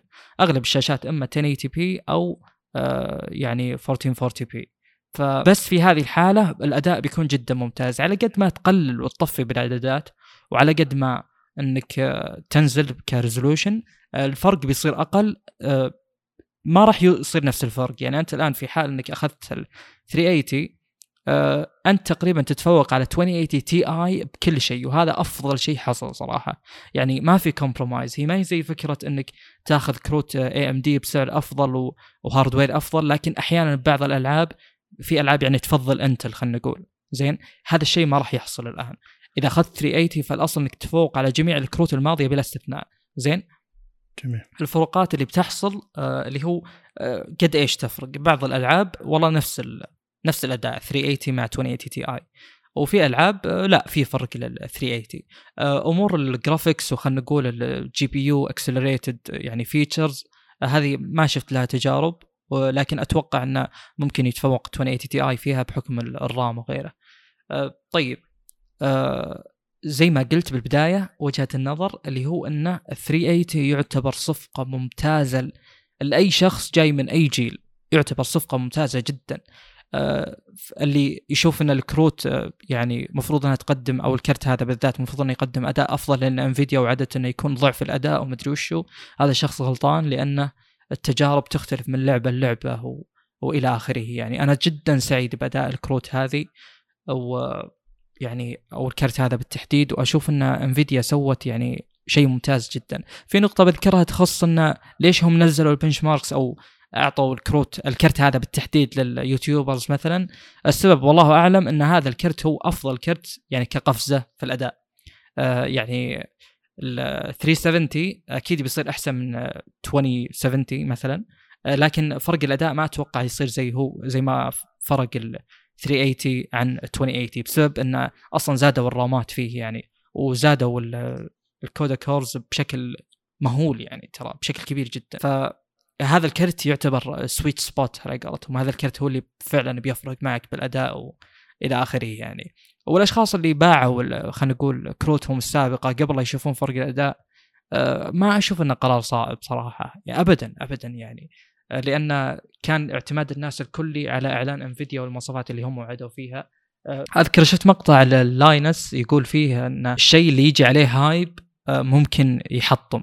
زين؟ ممكن ما يصير قد ال hype الشيء اللي يجي عليه hype بزيادة أكيد بيحطم. وأنا أشوف إن هذا الشيء اللي حصل فعلا. يعني أنت الآن أخذت كلام Nvidia كله وتبنيته مستحيل يصير زي يعني كلامهم هذا مستحيل يصير هو الواقع. ابدا. هم يبون يحاولون يسوقون لكروتهم بأفضل طريقة ممكنة أو يعني بأعلى قدر ممكن. وأكيد إنه ما راح يكون قد هذا الشيء. أو على الأقل ما راح يكون أعلى من هذا الشيء. أما يكون أسوأ أو يكون أسوأ. يعني هذا اللي أشوفه. أه فالكروت الجديدة أنا يعني الآن أقدر أحكم عليهم بالذات 380 بشكل نهائي جدا جدا تستحق الاقتناء. يعني هذا الكرت بالذات جدا يستحق الاقتناء وجدا يستحق التطوير والنقلة هذه غير متوقعة صراحة وفوق المتوقع يعني. أقل شيء بتحصل عليه تقريبا فرق 30% بالأداء مقابل الكرت الماضي من نفس الفئة. آخر شيء ممكن أقوله بخصوص كروت Nvidia بالذات ال 3 390 ترى ما راح يكون بالفرق اللي المتوقع كأداء، يعني لا تتوقع إن عشانه double السعر بتحصل على double أداء 380 ابدا ابدا ابدا نهائيا. يعني من قال إن الألعاب تستغل جميع ال hardware الموجود على ال 390 ال hardware المجنون أصلا اللي يوصل 10000 نواة واللي يوصل إلى 24 جيجا. هذا يعتبر Titan. لو تبي تعرف وش الفرق اللي ممكن يحصل شوف فرق ال RTX Titan عن ال RTX 2080 Ti. وبتشوف إنه يعني عادي ما هو شيء يعتبر مبهر ولا هو قد السعر. إحنا نتكلم في الألعاب بس. جميل. أفضل كرت ممكن تأخذ الألعاب 380 بالنسبة لي أفضل صفقة حاليا بالراحة. يعني مرة مرة. خذها وأنت مرتاح. خذها وأنت عارف تماما إن هذا الخيار الصحيح طيب الآخر خبر اليوم عن آه حلو لحظة لحظة. سم. أنا بقول إن آه، طبعا كنا نقول إن اي ام دي انفيديا نفسها صنعت هايب كبير نفس كروتها لكن كلامها كان حقيقي في جزء معين على تجربة واحدة معينة. عشان كذا إحنا بالحلقة الماضية تكلمنا عن إن تعدد تجارب كروت الشاشة هو اللي يخلي المجال واسع إنك تقول يفرق الأداء فعليا كم عن كم. فهم يوم تكلموا عن الكرت الجديد ضعف أداء الكرت الماضي أظن بالفرق ال 20 80 على 20 بال ray tracing إي الظاهر على لعبة واحدة على لعبة واحدة أو لعبتين على أعدادات معينة يعطيك ضعف الأداء. فأنت لما تر... إي لما ت- الحين تروح تقول إن هذه الشركة كذبت ترى فعليا ما كذبت حتى لو تروح بتقاضيها تقول إنها يعني هي لعبت على الناس إنها تقول ضعف الأداء لا. فعلا هو ضعف الأداء بلعبة معينة بأعدادات معينة وهذا يعتبر لعب فعلا يعني. المفروض إنه يكون في شيء وهذا قلناه نفس الحلقة الماضية المفروض إنه يكون في يعني أسلوب قياس أفضل من ناحية إنه بنش ماركس ما ي- على الأقل إيه إنه ما يسمح لهم بالتسويق بالطريقة هذه إنه أو بيعطيك ضعف أداء الكرت الماضي والناس راحت باعت كروتها بسعر بخس يعني علشان إنه 400 كرت. دولار على 2080 لا. أقل بعد في ناس باعوا ال 2080 Ti ب 400 دولار bye bye هذا جنون صراحة. آه، على. الموسم. على وعد الشركة يعني المقصد. فالمقصد إنه عموما هو تكلم اللي تكلمت عنه ان الشركة اللي تبني hype بزيادة آه، ما راح تقدر ترضي ال hype هذا لو لو وشو شفناه مع شركات كثيرة يعني مو بس Nvidia إي شوف اللي حاصل وأنا يعني آه، أكلم الناس. أول أنا أكلم الناس طبعا اللي حولي اللي يسألوني. يعني آه، والله تجيني أسئلة كثير على أي شيء ينزل يعني بأمور ال PC بكل مكان. فأنا يعني أغلب الناس اللي يسألوني أو اللي آه، مثلا بالهم أسئلة آه، كانوا يقولون يعني هل نشتري كروت الجديده ولا لا؟ أنا كنت أقول هم كأنهم بيشترون مثلا زين؟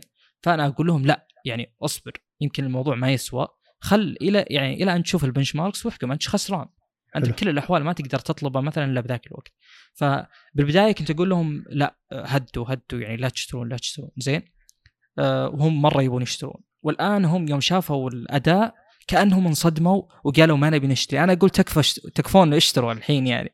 يعني أول كنت أحاول أهديهم والآن أني أحاول أحفزهم للشراء.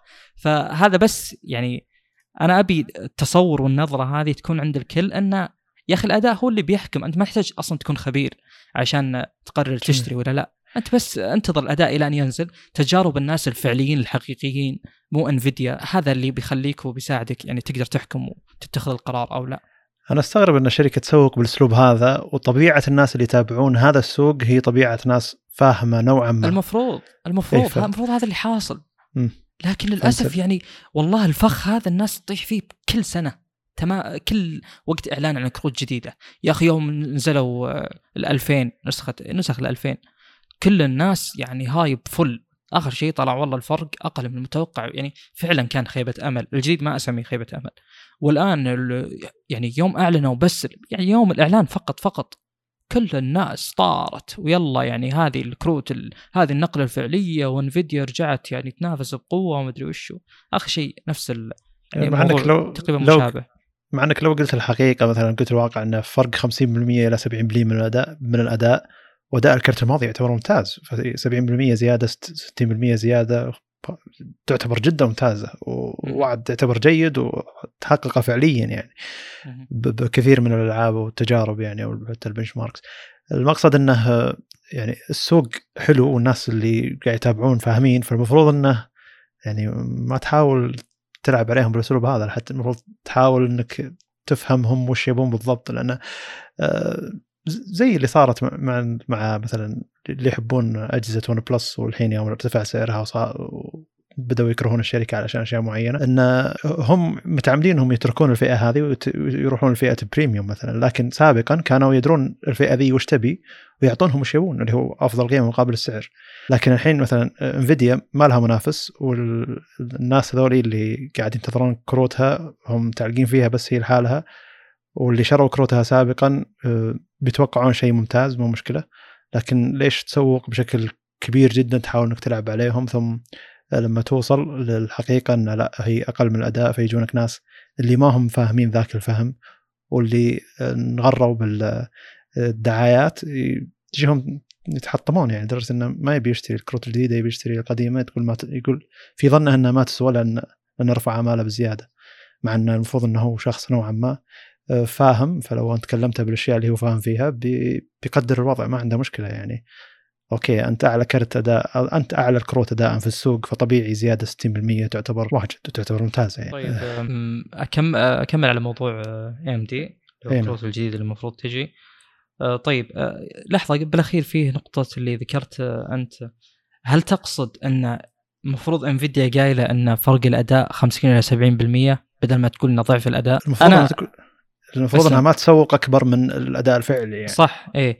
هو المشكلة إنهم حرقوا على أنفسهم هذا الكرت اللي هو إن قبل كانوا يقولون هالشيء الحين هم يبون يحسسونك إن النقلة فعلا أكبر من أي نقلة سابقة فقالوا ما ما لنا إلا نزيد الرقم. ولا أتوقع ان لو ما كانوا يعني يفرضون على أنفسهم هالأشياء يعني هم مثلا نقلة ال1000 إلى 2000 قالوا نفس ال...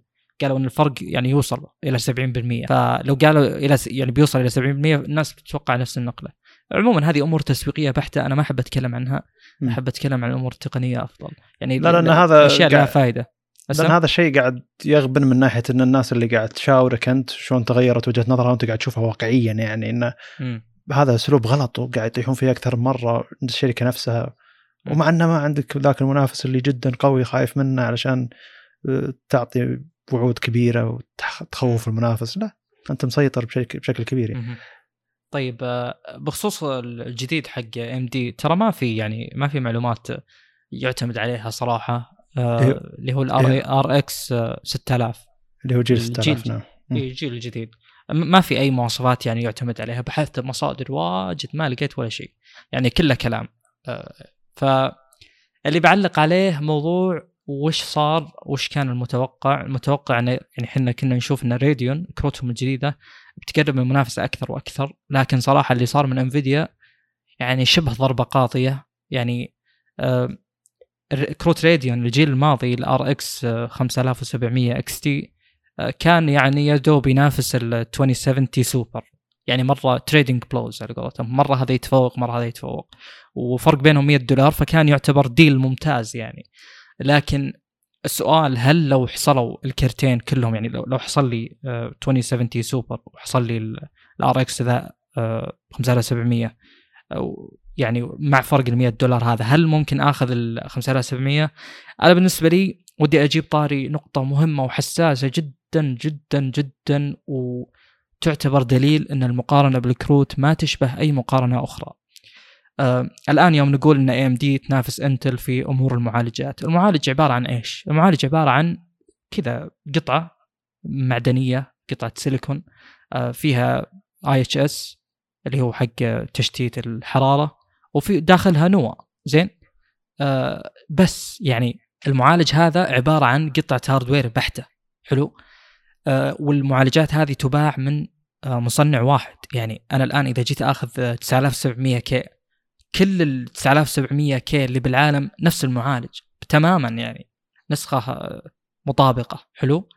آه، بينما بالكروت لا نروح الأمور مختلفة بشكل كبير جدا جدا جدا. يعني أنت الآن عندك نسخة ال Founders Edition زين؟ آه، يكفيك أن نسخة ال Founders Edition تجي ب clock speeds وتجي ب thermal solution اللي هو المراوح وال heat sink يختلف عن اللي يجيك من المصنعين يعني الآخرين طقة MSI وغيره يعني. فهذه النقطة خلينا نحطها بالحسبان، النقطة الثانية أصلا يعني آه الكروت الشاشة فيها مكونات واجد واجد واجد يعني. فيها أول شيء ال CUDA cores النواه الأساسية. زين؟ وفيها ال Tensor cores. حلو؟ وفيها ال VRAM اللي هو ال video RAM. هذا كم حجمه؟ أكيد يفرق بالمعادلة.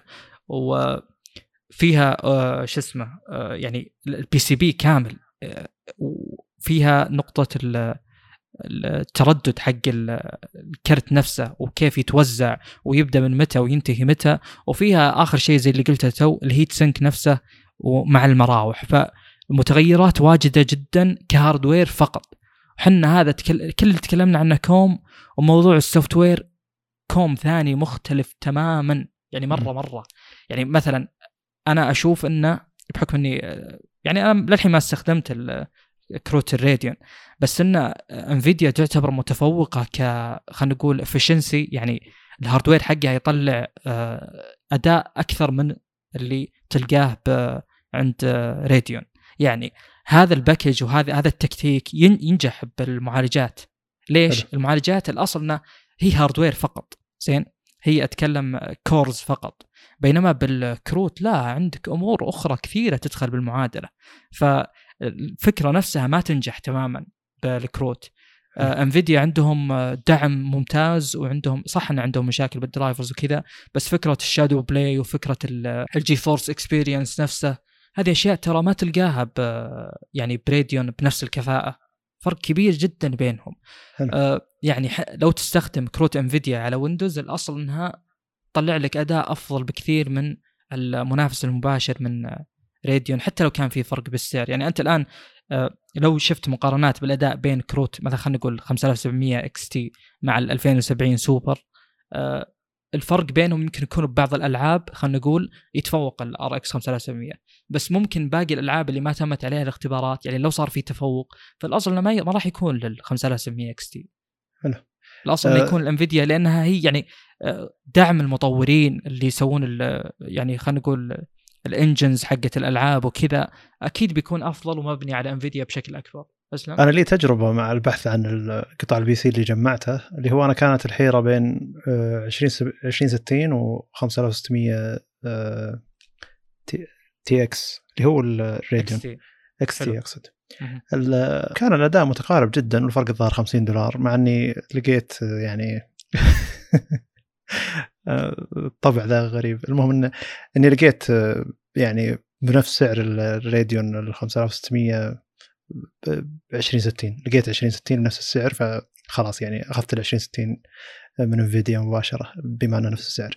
لكن كانت المشكلة باللي هو 5600 XT اللي هو أداء ممتاز وكل شيء ممتاز لكن أغلب الناس اللي استخدموه يقولون انه في مشكلة إن ريحة بلاستيك في الغرفة لما يستخدمون الكرت فيقولون لما تركبه إنه لازم تقلل الأداء علشان ما تشم ما تجيك الريحة هذه زي ريحة حرق بلاستيك. ويقولون ان بعضهم بدأ يصدع وبدأ يعني تجي مشاكل آه، من من ريحة البلاستيك هذه مع إنه ما حس فيها بالقوة ذي لكن الناس اللي حست شمهم قوية مثلا أو اللي يطلع ويرجع من الغرفة بدأ يشم ريحة البلاستيك هذه. فالمهم إنه آه، بعد ما سمعت المشكلة ذي رجعت لتجارب الأداء بعد ما قللوا الأداء علشان ما تصير في مشكلة الريحة هذه أو الحرق هذا. وتفوقت آه، يعني انفيديا اللي هو كرتها 2060 وخلاص أنا آه، كان عيني على 2060 لكن أبي سعر ممتاز ولقيته بنفس السعر اللي هو الراديون 5600 وكانت هذه التجربة. يعني المشكلة مشكلة بس إنه آه، السوفت وير حقهم في تشغيل في معايرة حرارة المعالجة وقوة المراوح وغيرها ما هو مضبوط لدرجة إنه في ريحة حرق. وتكلم عنها علي سيد اللي هو الأوبتيمم تك القناة ممتازة تعتبر قناة اللي يحب يتابع قطع ال PC وغيرها. وتكلم عن نفس المشكلة هذه وخاصة مع كروت Radeon اللي حجمها صغير لأني أنا مجمع جهاز ITX جميل. هو أصلا راعي ITX بشكل كبير بعد جدا. هذا الكلام اللي قلته أنت يدلل ويعزز نقطة ان ترى آه، Nvidia تعتبر شركة كبيرة جدا وخبيرة جدا وأكيد لها مساهمة في تطوير اللي هو أمور شو اسمه وغير كذا عندك خيارات يعني. يعني أنت تقصد انه إذا مثلا ال Founders Edition في مشكلة بالحرارة مثلا أو اذا بالضبط إيه عندك دعم المصنعين إيه، ال third party يعني عندك- أقوى بشكل كبير على Nvidia إذا قلت ماني ماخذ Founders Edition شوف الشركات تهاوش عليك تقول لك إحنا عندنا أفضل تبريد إحنا عندنا مدري كم مروحة إحنا عندنا كذا إحنا. عندنا كذا ويعني بنفس الكرت تطيح بعالم كبير من التبريد وال والمعايرة لنفس الكرت. وش اسمه أنا قلت لك موضوع دعم مثلا Vulkan واللي هو يعني 3D APIs بشكل عام والمحركات اللي تكلمنا عنها اللي تحول أو يعني يعني تطلع لك 3D نفسه تحول لك ال- الأرقام إلى 3D وأكيد هذه في Nvidia أفضل بشكل كبير جدا. وقلنا خبرة Nvidia وقلنا يعني Nvidia ترى تشبه Intel بشكل كبير من نواحي إن Nvidia تعتبر قارة. يعني ال- الشركة نفسها شفت صفقة مثلا ARM الأخيرة؟ يعني كيف إنهم استحوذوا عليها؟ بنسبة 90% الشركة كبيرة جدا ومساهماتها ليست فقط في خلينا نقول الكروت. آه، يعني موضوع تطوير خلينا نقول AI ومدري وش اللي تكلموا عنه أصلا من قبل. آه، هذه أمور أخرى يعني تطوير يعني خلينا نقول 3D modeling مو بس أتكلم يعني في الألعاب Nvidia وخلاص انتهى الموضوع. لا لا في أمور أخرى كبيرة جدا يعني Nvidia مساهمة فيها. آه ليش قلت إنها تشبه Intel أكثر؟ لأن Intel نفس الكلام. آه الحين مثلا جت AMD تفوقت بال Ryzen تفوقت على منافسينها ب Intel هل انتهى الموضوع؟ هل Intel خلاص خسرت كل شيء؟ لا. أنت شركة كبيرة جدا ترى أكبر من AMD بواجد يعني. آه مثلا Intel عندهم ال Optane هذا ال SSD اللي يعتبر cache لل ال- ال drives الكبار. يعني مثلا تاخذ 250 جيجا يسوي لك cache ال hard disk drive آه، 2 tera مثلا.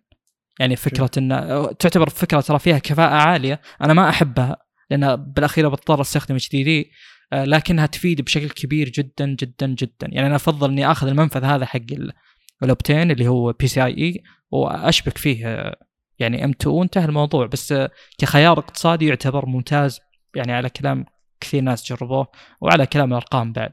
آه هذا جانب من آه Intel Intel تقدم حلول بال telecommunications ترى. يعني أمور ال 5G وكذا. صح إنها يعني شوي متأخرة آه لكن آه ك Wi-Fi cards وكذا لا تعتبر ممتازة جدا. ف نفس الكلام مع Nvidia إنهم ينافسون بامور أخرى. AMD مثلا ما عندها SSDs ما عندها أمور تخص ال telecommunications ما عندها أمور مثلا زي ما قلت Wi-Fi card ولا تعطيك Bluetooth card ولا أي شيء من هذا الكلام. AMD تقدم لك بس آه، يعني حلول dies اللي هي ال cores هذه حقت ال- المعالجات والكروت يعني إلى الآن. آه، أنا ما أقلل من AMD ولا أرفع من أي شركة أخرى بس أنا أقول لكم إن ملخص الكلام هذا كله لا تتوقعون إن حتى مع نزول الكروت الجديدة من راديون لا تتوقعون إن انفيديا بتخلي السوق حقها هذا آه، بسهولة ابدا يعني. يعني ممكن آه، ممكن آه، معنا مع الكروت الأخيرة صراحة صعب صعب جدا على راديون إنهم ينافسون آه، أتكلم بالفئات العليا. آه، لكن بشكل عام يعني إلى خلينا نقول خمس سنين قدام آه، بتبقى Nvidia في المقدمة في كروت الشاشة وصراحة مستحق هذا الشيء بشكل كبير يعني بناء على قدم الشركة وبناء على يعني كأنهم سووا على قولتهم undercut يعني نزلوا الكروت الجديدة اللي تعتبر قوية جدا أصلا قبل حتى لا Radeon تنزل يعني حتى ما مداها تتنفس. يعني هم ما أعطوها فرصة إنهم يتنفسون ثم ردوا عليهم لا هم ردوا عليهم قبل يتكلمون. جميل. ف آه، موضوع آه، Radeon ومنافستهم أنا ما أنصح صراحة أي شخص على الإطلاق إنه يشتري أي كرت من Radeon حاليا. أدري إن العبارة هذه تعتبر كبيرة جدا بس آه، لو شفت إيجابيات لذيك الكروت فهي بتكون إيجابيات بأماكن محددة.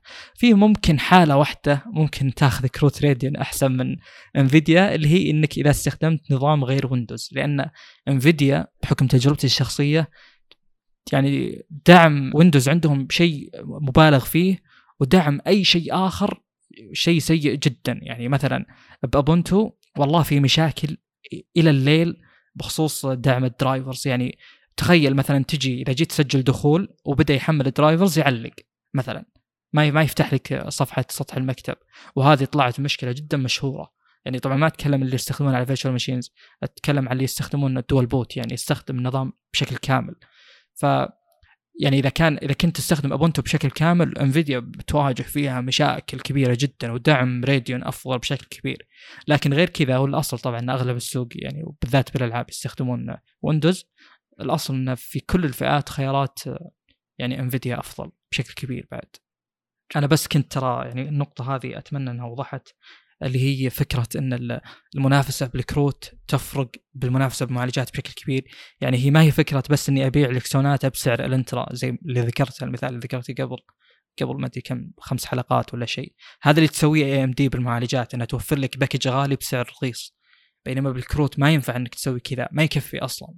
بالكروت أنت تحتاج أمور يعني software ية بشكل كبير جدا. زي يوم ذكرنا نقطة ال ray tracing كيف إنهم آه، بالنسخة الجديدة صار ما يقلل الأداء زي ما كان يقلله قبل. هذا شيء واضح إنه آه، مو بس ال hardware هو اللي ساهم بهالشيء. تكامل ال hardware مع ال software طلع النتيجة بينما المعالجات ما تحتاج software أصلا يعني في الأصل. أنت كيف تستخدم ال hardware هذا؟ حلو. طيب أه هذا تكلمنا عنها كثير أقصد كروت الشاشة يعني معياريتها وتعقيدها أكثر بكثير من أي. إي. قطعه ثانية موجودة بالجهاز. أنا ابي. بس الكل يلاحظ هذه النقطة أن ترى فرق فرق يعني كبير جدا. ما ما ينفع إنك تقارن ما هو نفس السوق أصلا على الإطلاق. جميل.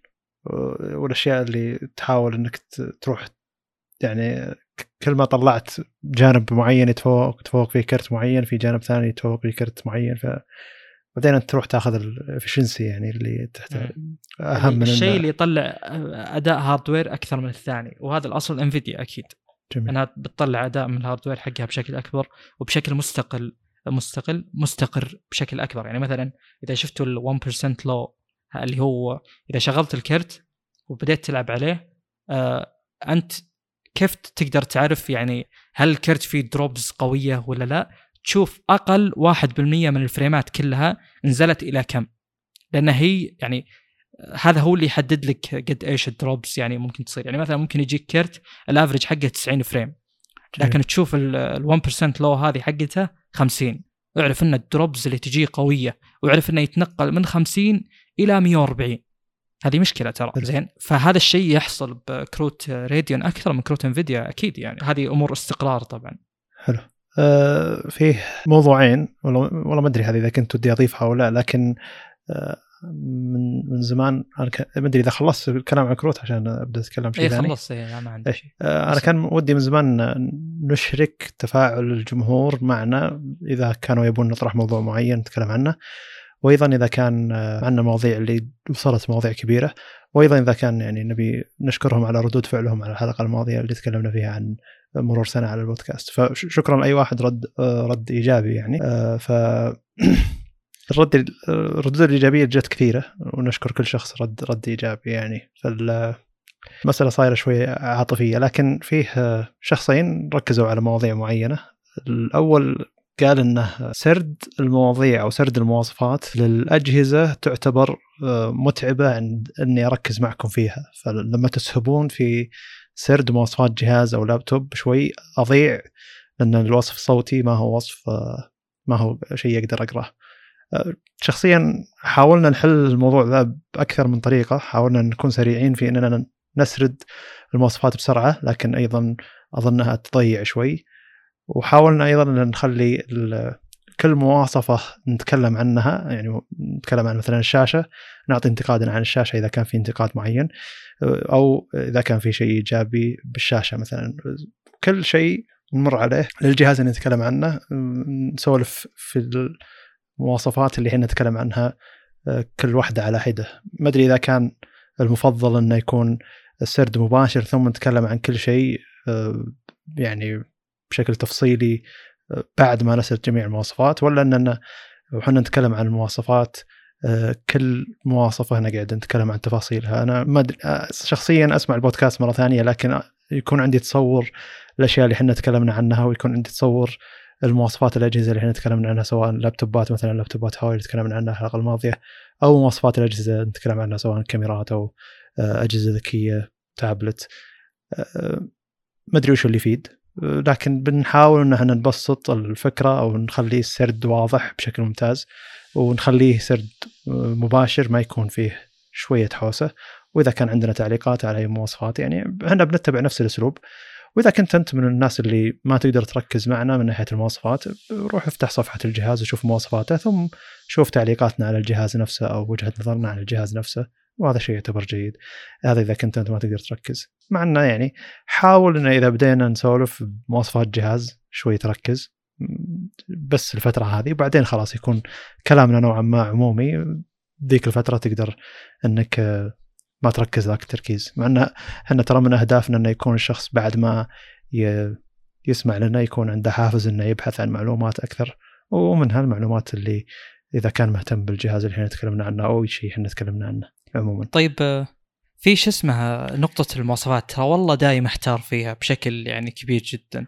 أنا م. أذكر إني كنت أقول لك انه ذكر جميع المواصفات بالذات إذا جينا للكاميرات نقدر نفصل فيها هذه 12 ميجا بكسل فتحتها كذا وإلى آخره.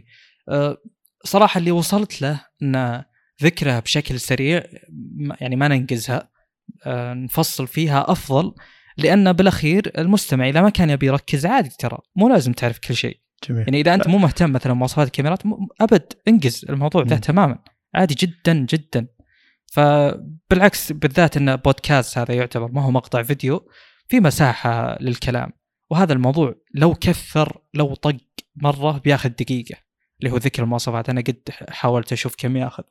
فأشوف إنه عادي يعني. طبعا أكيد نتقبل النقد هذا وأكيد إن الآن ذكرنا لأنه يعني عادي نقوله أو ان نفضل نقوله هو يعتبر سؤال لكم جميعا عن وش تفضلون. ممكن تشاركونا ممكن تسوون مثل ما سووا الشخصين هذول في إنهم منشنونا وقالوا يعني عن رأيهم أو انتقادهم مثلا. هذا شيء صراحة مرة ممتاز مرة ممتاز. أنا بيعرف اللي يسمعنا وش يقول وش رأيه وأبشر يعني أي نقطة ممكن تنتقدها أو تعلق عليها حنا نبي نرد عليك رد ممكن أما يقنعك أو يخلينا فعلا ننتبه له ونحسنها. جميل. آه ف ننتظر منكم آه، يعني شيء كثير صراحة وشكرا يعني بشكل عام. حلو. سرد المواصفات إحنا نختار الأجهزة البسيطة نقدر نسرد مواصفاتها نسردها. لكن الأشياء اللي ما تغيرت زي اليوم تكلمنا عن الآيبادات مثلا أو كذا لأنها ما تغيرت كثير. التغيير كذا 80% من ناحية كذا 20% من ناحية كذا. يعني أقصد أسلوب كان سرد بسيط واصلا ما عندنا مواصفات كاملة لل iPad وهذا من طبيعة الشركة إنها ما ما تعطيك المواصفات المواصفات فكان السرد بسيط وسريع. لكن لما تعطيك الشركة المواصفات كاملة وكذا مرات تكون حوسة. حتى اللابتوبات الهواوي اللي تكلمت عنها الأسبوع الماضي آه، أنا كنت محيوس لأن ثلاث نسخ من اللابتوب الفلاني وشيء فيه touch screen شيء ما فيه. ونسختين أو ثلاث نسخ من اللابتوب الفلاني وشيء فيه مواصفات معينة شيء ما فيه مواصفات معينة. ف لو سردتها سردتها صوتيا بشكل ممتاز وحاول ضعت ارجع لنفس الصوتية ولا افتح الموقع حق هواوي شوف المواصفات يعني. المقصد إنه مو شرط إن نكون حنا رسميين جدا في سرد المواصفات كأننا آلات يعني بحيث إن إحنا ما آه، نلخبط في من ناحية إن نحط المواصفه ذي قبل ذي ولا نقدر أهمية مواصفات معينة عن أهمية مواصفات معينة.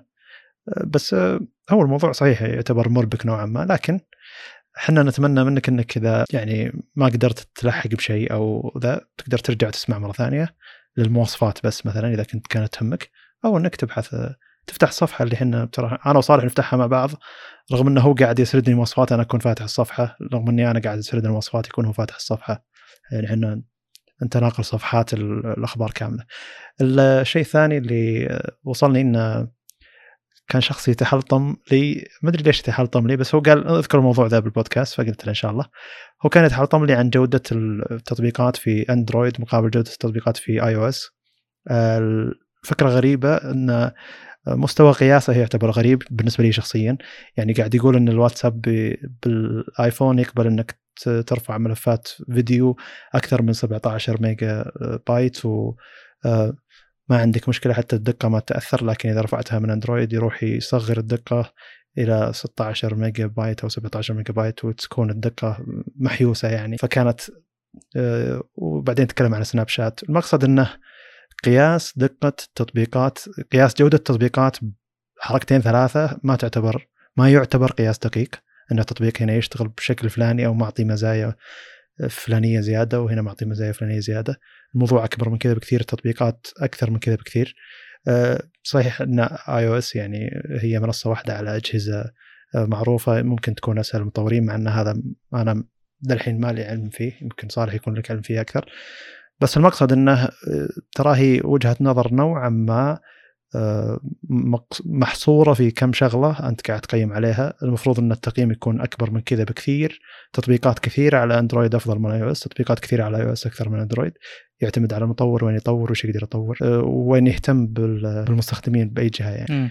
أه في شو اسمه نقطة اللي هو يعني إلى إلى أي قدر التطبيق هذا مثلا scalable يعني فكرة مثلا أذكر أحد التطبيقات اللي ما أدري إذا هو ستاربكس ولا غيره مثلا يتفوق بشكل كبير بأندرويد ك هو كواجهة نفسه بس كسرعة استخدام يعني.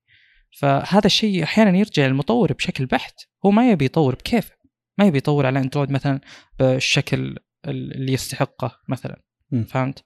فيعني هذا يرجع للمطور بشكل كبير ويرجع لسياسات الستور نفسه. لا المقصد يعني إنه مثلا هل Apple موفرة أدوات أفضل من Android بحيث إن التطوير عليها أسهل؟ ولا لا لا.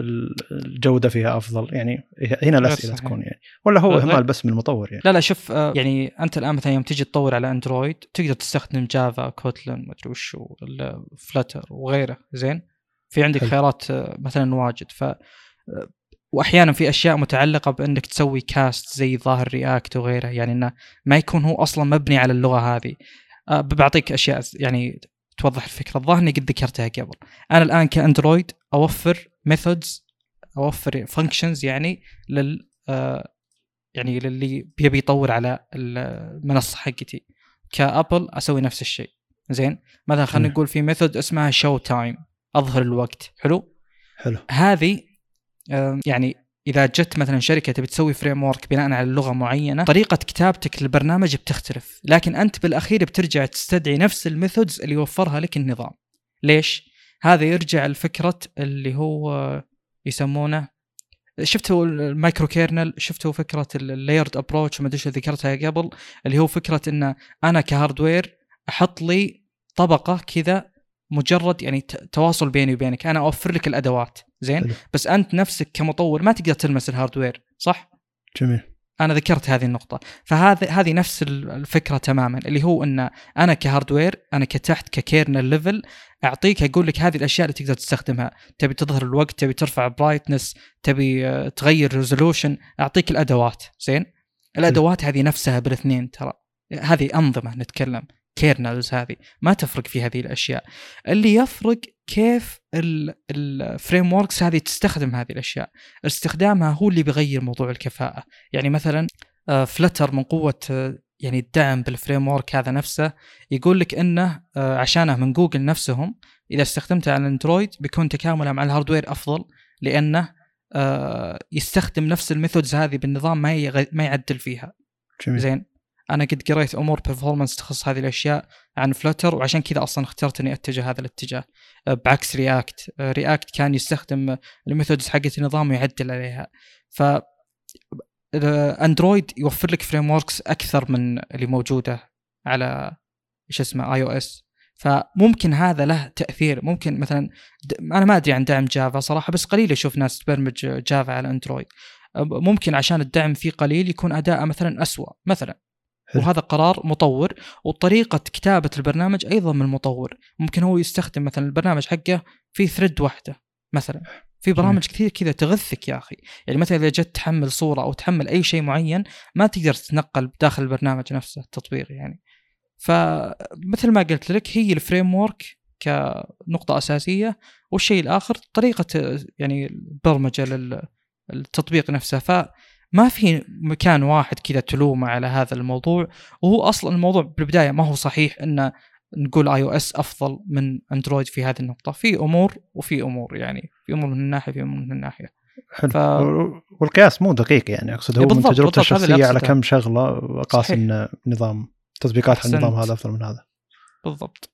الفكرة الفكرة الثانية الحين مثلا يوم وصلت الوجت لل iOS لأن أبل حطت واجهة معينة بأسلوب معين وتكون الوجت كذا مربع بشكل يعني اللي هم يبونه أو 2.2 by 2 إي ومربع بشكل بأطراف مدورة نوعا ما. فبدات الشركات تصمم لأسلوب أبل يعني. فكثير من الناس قاعد تقول إنه أوه ليش جوجل مثلا حطت وجت أفضل من الوجت الموجود في Android عند iOS مثلا؟ لأن iOS هذا تصميم حق حق النظام حقهم. وهم يبون مثلا كذا مثلا شيء مربع بأطراف دائرية ويكون له لون ما يكون شفاف كليا أو مثلا. ويعني وجهة البحث حق جوجل الموجود في Android قديم جدا. قد يوصل يعني قد يحدثون شيء على انهم عشانهم سووا سووا شيء مخصص لل iOS. المقصد ان الحين بما ان وخاصة هذا بيكثر الكلام الفترة الجاية لأن بدأت توصل وجهة ال iOS وبتوصل بتصاميم جديدة يعني لأن كل مطور مهتم بتطبيقه على آيفون أو iOS ويبي يبي يحط وجهة ممتازة لل iOS يعني أو توافق التصميم حقهم يعني. فبيجي كلام واجد إنه أوه تصاميم والوجت حقت ال iOS أفضل. هي مو أفضل هذا ذوق وهذا أسلوب الشركة في أنها تقدم الوجت وسالفه ذوقيات يعني.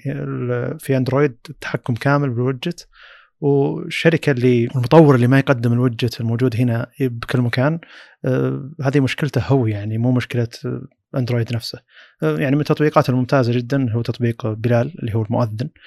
آه حط وجت ب iOS الحين يعني بما إن iOS نزل وحط نفس الوجس هذه كتصميم حطها على Android جاب تحديث ال Android وحطها على Android. فأنت لو عندك آي آيفون iOS أو Android ال widget كلها موجودة و... وترى مجرد تحديث تقدر تضيف widget Android. ما يمنع إنك تحط وجت بأسلوب آه واجهة أبل مثلا أو بالطريقة اللي أبل حاطة الوجت حقها. المقصد إنه يعني آه، المقارنة غريبة وترى مو اللوم على إنه أوه النظام ما يقبل شيء ذا ولا الناس ما تهتم بال Android ولا ذا. لأن ترى الميزة حيل قديمة لدرجة إن المطورين يعني خلاص مسوين الوجت حقتهم من زمان فليش أروح أحدثها إلا إذا جاء شيء جديد مثل مثل iOS المقصد ان النقاش في المسألة ذي ذوقي ونقاش يعتبر عقيم من الناحية هذه ذوقيا انه أوه هذا أجمل ولا مو أجمل؟ أه ذوقيات آه، شيء عملي مو عملي ممكن لكن المقصد إنه شيء جديد والشركات قاعد تسوي له شيء جديد يعني. وصدقني يعني أنا قلت مسبقا إن ابل إذا دخلت المجال يتطور هذا المجال يعني يبدون يلتفتون له الناس. والوجت قلت قلتها فعليا يعني إن الوجت إذا وصلت ال iOS صدقني ال widget ب Android بيتحسن وترى الوجت حق جوجل يعني اللي وصل iOS تقدر تحمله من تطبيق ثاني على Android أو كذا له طريق له أسلوب إنك تقدر تجيبه على Android. المقصود إن Android آه نظام واسع وتقدر تجيب أشياء كثيرة له يعني. طيب آه على صعيد في نقطة بذكرها يعني دليل على إن كلامك يعني هو الحاصل بالواقع اللي هو مسألة ذوقيات ومسألة اجتهاد المطور في أحد المجالين أنا أعرف شخص يشتغل باحد الشركات الشركات ذي يعني تقدم آه، شو اسمه تقدم يعني تطبيقات للحكومة زين؟ آه الشخص هذا اشتغل هناك فيقول لي إنه يبي يشتغل iOS أقول له ليش تبي تشتغل iOS يقول آه، صراحة المكان اللي أنا فيه ال iOS team أفضل بكثير من من ال Android team فهمت؟ فشفت هذه النقطة بس تخيل يعني داخل الشركة يكون هذا ال team أحسن من هذا ال team. آه، أكيد أكيد أن تجربة المستخدم للتطبيق على منصة iOS بهالحالة بيكون أفضل من Android. ليش؟ بكل بساطة يعني. هنا يقول لك موظفين ال iOS أفضل من موظفين ال Android. انتهى. طب لو صار العكس بيصير التطبيق هنا أفضل من هنا.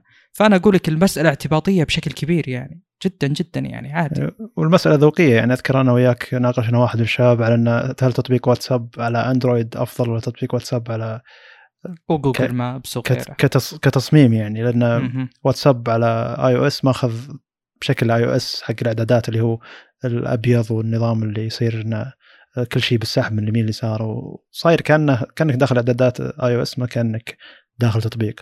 بعضهم عاجبهم التصميم هذا لكن تصميم واتساب الاساسي اللي هو الأخضر والتعدد الواجهات هذا اللي هو فيه واجهة حقت story واجهة حقت مكالمات وواجهة حقت محادثات. آه، هي الواجهة الأساسية الواتساب هي اللي مصممتها يعني. ونوعا ما تعتبر Material Design يعني. المقصد ان السالفة فعلا ذوقيات يعني ما هي سالفة آه، إن هذا أفضل من هذا ولا هذا عملي أكثر من هذا. مع إن قياس الشخص إنه فعلا الآيفون مسموح له إنه يحمل فيديو أكثر من مقدار معين ميجا بكسل ميجا بايت معينة. هذه مسألة يعني تعتبر غريبة. ما أدري ممكن علشان ال Android يعتبر أكثر و سيرفرات واتساب ما راح تتحمل إنه يكون ناس يرفعون فيديوهات فوق ال 17 ميجا لأن مستخدمين واتساب عموما عندهم أكثر. ما أدري ممكن تكون سالفة سيرفرات يعني. المقصد إن العوامل المؤثرة كثيرة تعتبر وهذا ما يعني إن النظام أفضل من نظام. في نظام يستغل ال hardware أكثر من نظام فعليا يعني بس آه، هذا الشيء عموم الأشياء ذي تعتمد على المطورين. ال- أدوات التطوير كلها متقاربة من بعض يعني والمطور إذا شد حيله بأحد الجهتين بيقدر يقدم لك تطبيق محترم. عندك انت في نقطة أخيرة بس آه اللي هي في أحد الدكاترة عندي كنت أناقشه كثير مرة. آه، تعرف اللي هو كان يدرسني operating systems جميل. والكلام ده قبل أكثر من سنة. آه فهو كان يتكلم كشخص مرة فاهم بس إنه مو مطلع على الجديد. وأنا أتكلم كشخص مرة مطلع على الجديد بس مو فاهم زي أكيد هو دكتور بالأخير. فكان يناقش فكرة تطوير على Android وعلى iOS وكان يقول في نقطة أنا أشوف إنه يتفوق فيها Android بشكل واضح اللي هو الخيارات. يعني مثلا فكرة آه، اللي هو آه، إذا دخلت آه، تطبيق زي واتساب على iOS فكرة الشريط العلوي ومدري وشو وإنك لازم تلتزم تصميم معين. حلو. هذه أقل تقييد يقول بالذات يعني ب Android أكيد إنها أقل تقييد وبالذات بأمور الوصول لل hardware أنا ما جربت صراحة على iOS جربت Flutter وعلى Android بس. و فما ما أقدر أحكم بس هو كشخص يعني حتى مستخدم الآيفون هو. آه، يقول إن صراحة التجربة هناك آه، فيها حرية بشكل أكبر. فهذه أشوف إنها إيجابية لل Android لكن ممكن قد ما تكون مستغلة يعني من المطورين قد ما تكون تشوف ال- الميزه هذه. يعني إن مثلا التناغم مع ال hardware أفضل في أحد التطبيقات اللي ما تعتبر من تطبيقات النظام نفسه. جميل. نختم. آه، ما أدري إذا عندك أنت أي تعليقات تبي تعلق عليها أو وصلتك يعني أو آم والله ما أدري صراحة. ليه في شيء تبي تعلق عنه؟ لا لأن الك- الكلام الجميل اللي وصل كلام كثير وأعتقد إنه يحتاج شكر آه، بالبودكاست أكثر من حتى الشكر اللي وصل آه، نصي يعني ما يكفي الشكر النصي. والله شوف في نقطة واحدة بس ودي أعلق عنها. هو الأخ. خليل جزاه الله خير يعني. جدا متفاعل وأتوقع حتى معك. ويعطي يعني أنت تحتاج هذول الأشخاص لأنهم يعطونك فيدباك يرد عليك يعلمك أنت وش قاعد تسوي بالضبط لأن أنت ممكن ك من وجهة نظر الملقي نفسه مقدم المحتوى ممكن في أشياء ما تشوفها. فدائما الشخص اللي زي كذا صراحة آه، يعني يعلمك أنت وين مكانك بالخريطة وش قاعد تسوي وش نظرة الناس أو خلينا نقول المستمع العادي لك. فهو علق على نقطة ما أدري إذا لاحظ يعني أنا رديت على هذه النقطة قبل لا يعلق عنها هو لأني حسيت إني لاحظتها بنفسي. أتكلم شخصيا آه، مو أتكلم بالنسبة لبودكاستنا اللي هو آه، إن أسلوبي قد يعني توضح عليه ثقة زايدة. وأنا علقت يمكن قبل أكثر حتى من خمس حلقات إن أنا أعتذر عن هذا الشيء بس انه آه، يعني إذا في شيء سمعته غلط أبى أقول إنه غلط يعني. أتكلم انه أحيانا تكون لي تجربة فعلا فأنا أقدر أعطيك وجهة نظر الشخص اللي جرب بدل ما تقرأ عن الناس مثلا. حلو. ف وكنت أقول يعني باعتذاري السابق إن آه، إذا سمعت لنفسي بعدين أقول صالح وش الثقة؟ زين. آه، بس إنه قد يكون يعني استرسال واندماج بالكلام نفسه. لكني بالعكس والله دائما أوضح وبشكل واضح وصريح جدا في أمور كثيرة بالذات الأمور اللي تخص الهاردوير لأن أنا إنسان غير مختص. توني. أنا منزل مقطع يوم الخميس وذكرت جميل. اني أيضا غير مختص جميل. فإذا كان عندي معلومات بقولها وطبعا أكون متأكد منها آه، وأوضح إني أصلا غير مختص وأنا أستحي أحيانا إني أتكلم عن أشياء لها مختصين بس أنا ما أسمع آراء المختصين هذولا لأنهم ما يتكلمون بكل بساطة يعني يعني. أنا صراحة من زمان أدور ناس مختصين بال hardware كاختصاص كدراسة فعلا مو مجرد آه، اهتمام يعني أنا أبي شخص درس مثلا هندسة كهربائية أبي أناقشه بأمور هاردويرية دقيقة جدا بس ماني لاقي. ما في حلو. أشخاص ياخذون يعط- يعطون معي بنفس ال- خلينا نقول الاهتمام وال level يعني المهتمين بالهندسة الكهربائية غالبا تعليقاتهم على أو استخدامهم وتطويرهم على أمور تخص ال Raspberry Pi مثلا وغيره.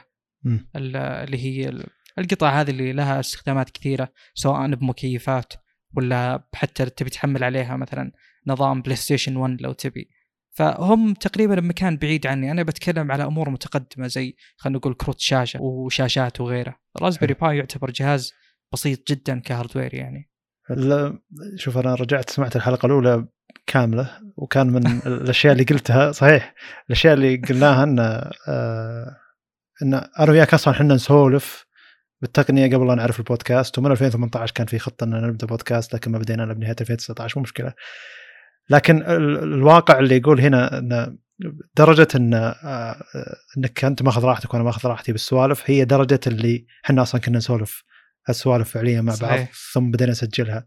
لأن ما كان ما في أي اهتمام انه في أحد يسمع وله وجهة نظر من ناحية انه أو وش بيقول عني؟ بيقول عني كذا ولا بيقول عني كذا ولا بيقول عني كذا. فترى هذا إحنا يعني وصالح يعتبر يعني هو يعني دارس هندسة برمجيات فهو في البرمجيات أفضل مني بكثير وهذا شيء درس فيه يعني فواقعيا هو أفضل مني. بالبدايات كان في مقاطعات إحنا نقاطع بعض لأن ما كنا فاهمين بعض كثير. مو ما كنا فاهمين بعض لأن هذا كان أسلوبنا أصلا في السوالف العادية. يعني الواحد يقاطع الثاني ويمشي الوضع يعني. إذا بغينا نرجع الموضوع نرجع له لكن هنا يصير الوضع مرتب فنسولف موضوع على موضوع. المقصد إنه ممكن علشان أنت كنت ذاك الفترة في مقاطعات كثيرة وأنت كنت تقول معلومات كثيرة أنا كنت أسألك عنها فهو كان كان يشوفك إنك أنت يعني عندك ثقة زايدة. صح الفراغات قلت أو الفجوة اللي بيني وبينك أتكلم في أنت تركيزك على سوق الهواتف أكثر مني بكثير وبشكل واضح وأنا تركيزي على أمور التطوير فيها مثلا أكثر منك فأتوقع الفجوة ذي قلت بشكل كبير. عشان كذا كانت موجودة والآن شبه يعني خلاص أنت تفهمني. إذا بديت تتكلم عن ذا الشيء خلاص لي المايك إذا أنت بديت تتكلم على أمور تخص مثلا زي آه، تطبيقات جوجل بشكل عام. حلو. يعني أنا أشوف إنك مرة مهتم بذا الشيء وطبعا واضح من الكلام. ووجود الجي كام هذا ب يعني آه، قد تكلمنا عنه أكثر من مرة وإنه ليش ما يتبنى وكذا. فأنت إذا تكلمت عن ذي الأمور خلاص أنا أقول الرجال هو اللي يعني يبحث ويقرأ بهذا الموضوع أكثر مني. فصرنا ما نتدخل ب يعني كل واحد ما يتدخل بمنطقة الآخر. أشوف إن هذا مع ال... هذا الشيء مع الوقت وجد. صحيح بس أنا أقصد انه حرفيا إني أنا في أشياء إذا ما فهمتها يكون المرجع صالح. فهو لا يحسب إن طبيعة العلاقة إنه أوه لا هو قاعد يصحح معلومتي وأنا مدري يعني ما في الطفوليه هذه. المقصد إنه لا إحنا إحنا إذا قلنا معلومة غلط أصلا صحيح البودكاست اللي بعده. فما بالك بأن واحد صحح معلومه الثانية. أنا ما عندي أي مشكلة أصلا إن تتصحح معلومتي إذا كانت خاطئة بشكل مباشر. وهذا شيء يعتبر ممتاز أصلا. عادي جدا. أذكر م. آخر مرة حتى يوم قلت إن الشاشة الخارجية لل Z Fold 2 120 وأنت على طول صححت لي. يعني م. عادي الموضوع مره بسلاسة. وفي بس شيء ودي كنت بقوله تو بس الظاهر إنك ما سمعتني اللي هو ما أدري إذا المستمعين عندهم تصور إلى متى أنا أعرفك؟ من كثر ما إن العلاقة جدا قديمة أنا أصلا ما أذكر متى بدت يعني. أنا طلعت على الدنيا وأنا أعرفك يعني فهمت؟ فيعني أتوقع توصل 15 إلى 20 سنة. فيعني من زمان نتكلم على شيء قديم جدا جدا جدا. فكامور شخصية بيني وبينه ما في أي شيء طبيعي يعني. أه، يعني مع مع الوقت والسماع بتجي التصورات هذه فعلية يعني ويروح تصور إنه أوه هذا عنده ثقة بالنفس ولا هذا يصح معلومة ذا وش حاسب نفسه ولا؟ أه، إن المشروع البودكاست عموما كامل هو يعتبر تعاوني وتكاملي بيني وبينك يعني. وشكرا لكم اللي كل اللي ردوا سواء بالخاص أو العام أه، جميله ردودكم استمروا في الردود إحنا نبي صدق نبي تفاعل نبي نعرف وش صاير. للمستمعين. إحنا مستمرين على الوضع على انه ممتاز لكن جتنا جانا كم انتقاد ونحاول نحسن الوضع أكثر. ومعكم إحنا نرفع جودة المحتوى حقنا اللي هو أصلا من تقييمكم يعتبر جودة محتوى جيدة.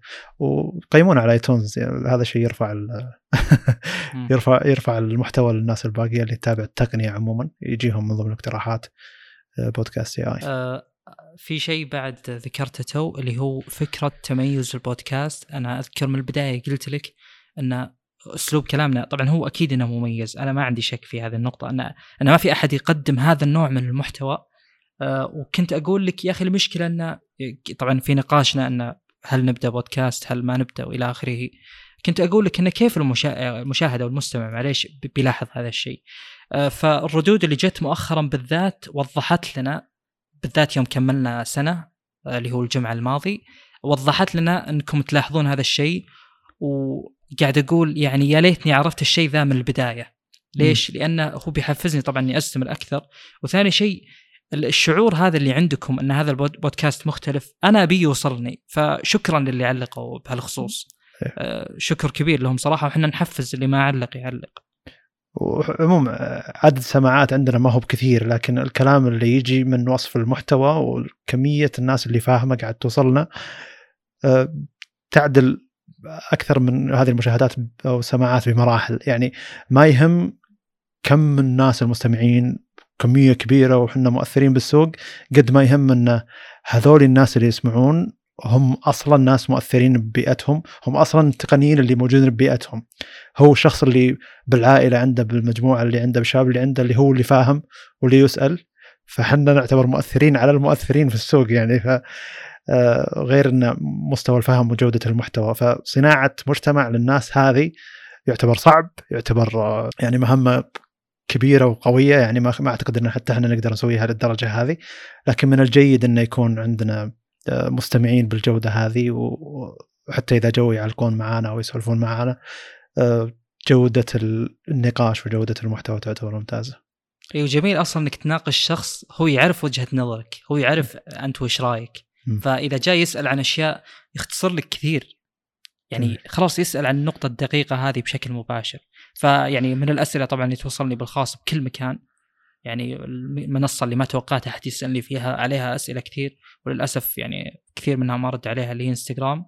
لأن أحيانا أحتار بالرد وأحيانا عموما أنا أعتذر بشكل عام بس أقصد انه الأشخاص إذا جو يسألون يعني شيء ممتاز انه ما أحتاج أشرح له أنا وش أبي أقول يعني قبل البودكاست آه، يوتيوب ما يكفي طبعا إنك تعطي أو توضح وجهة نظرك بشكل كامل لأنها ما هي منصة فيها مساحة زي البودكاست مثلا.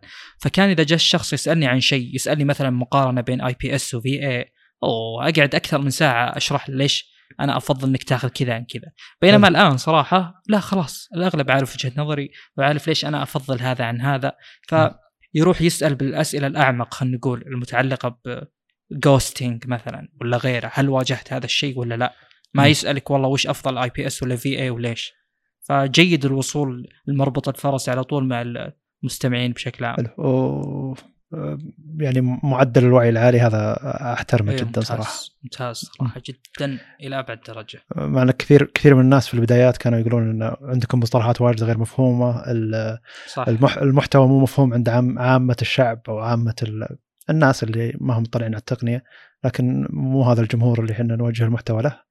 نوجه الجمهور الناس فاهمه أصلا بالتقنية جاية تبي تدخل بشكل أعمق بالتقنية.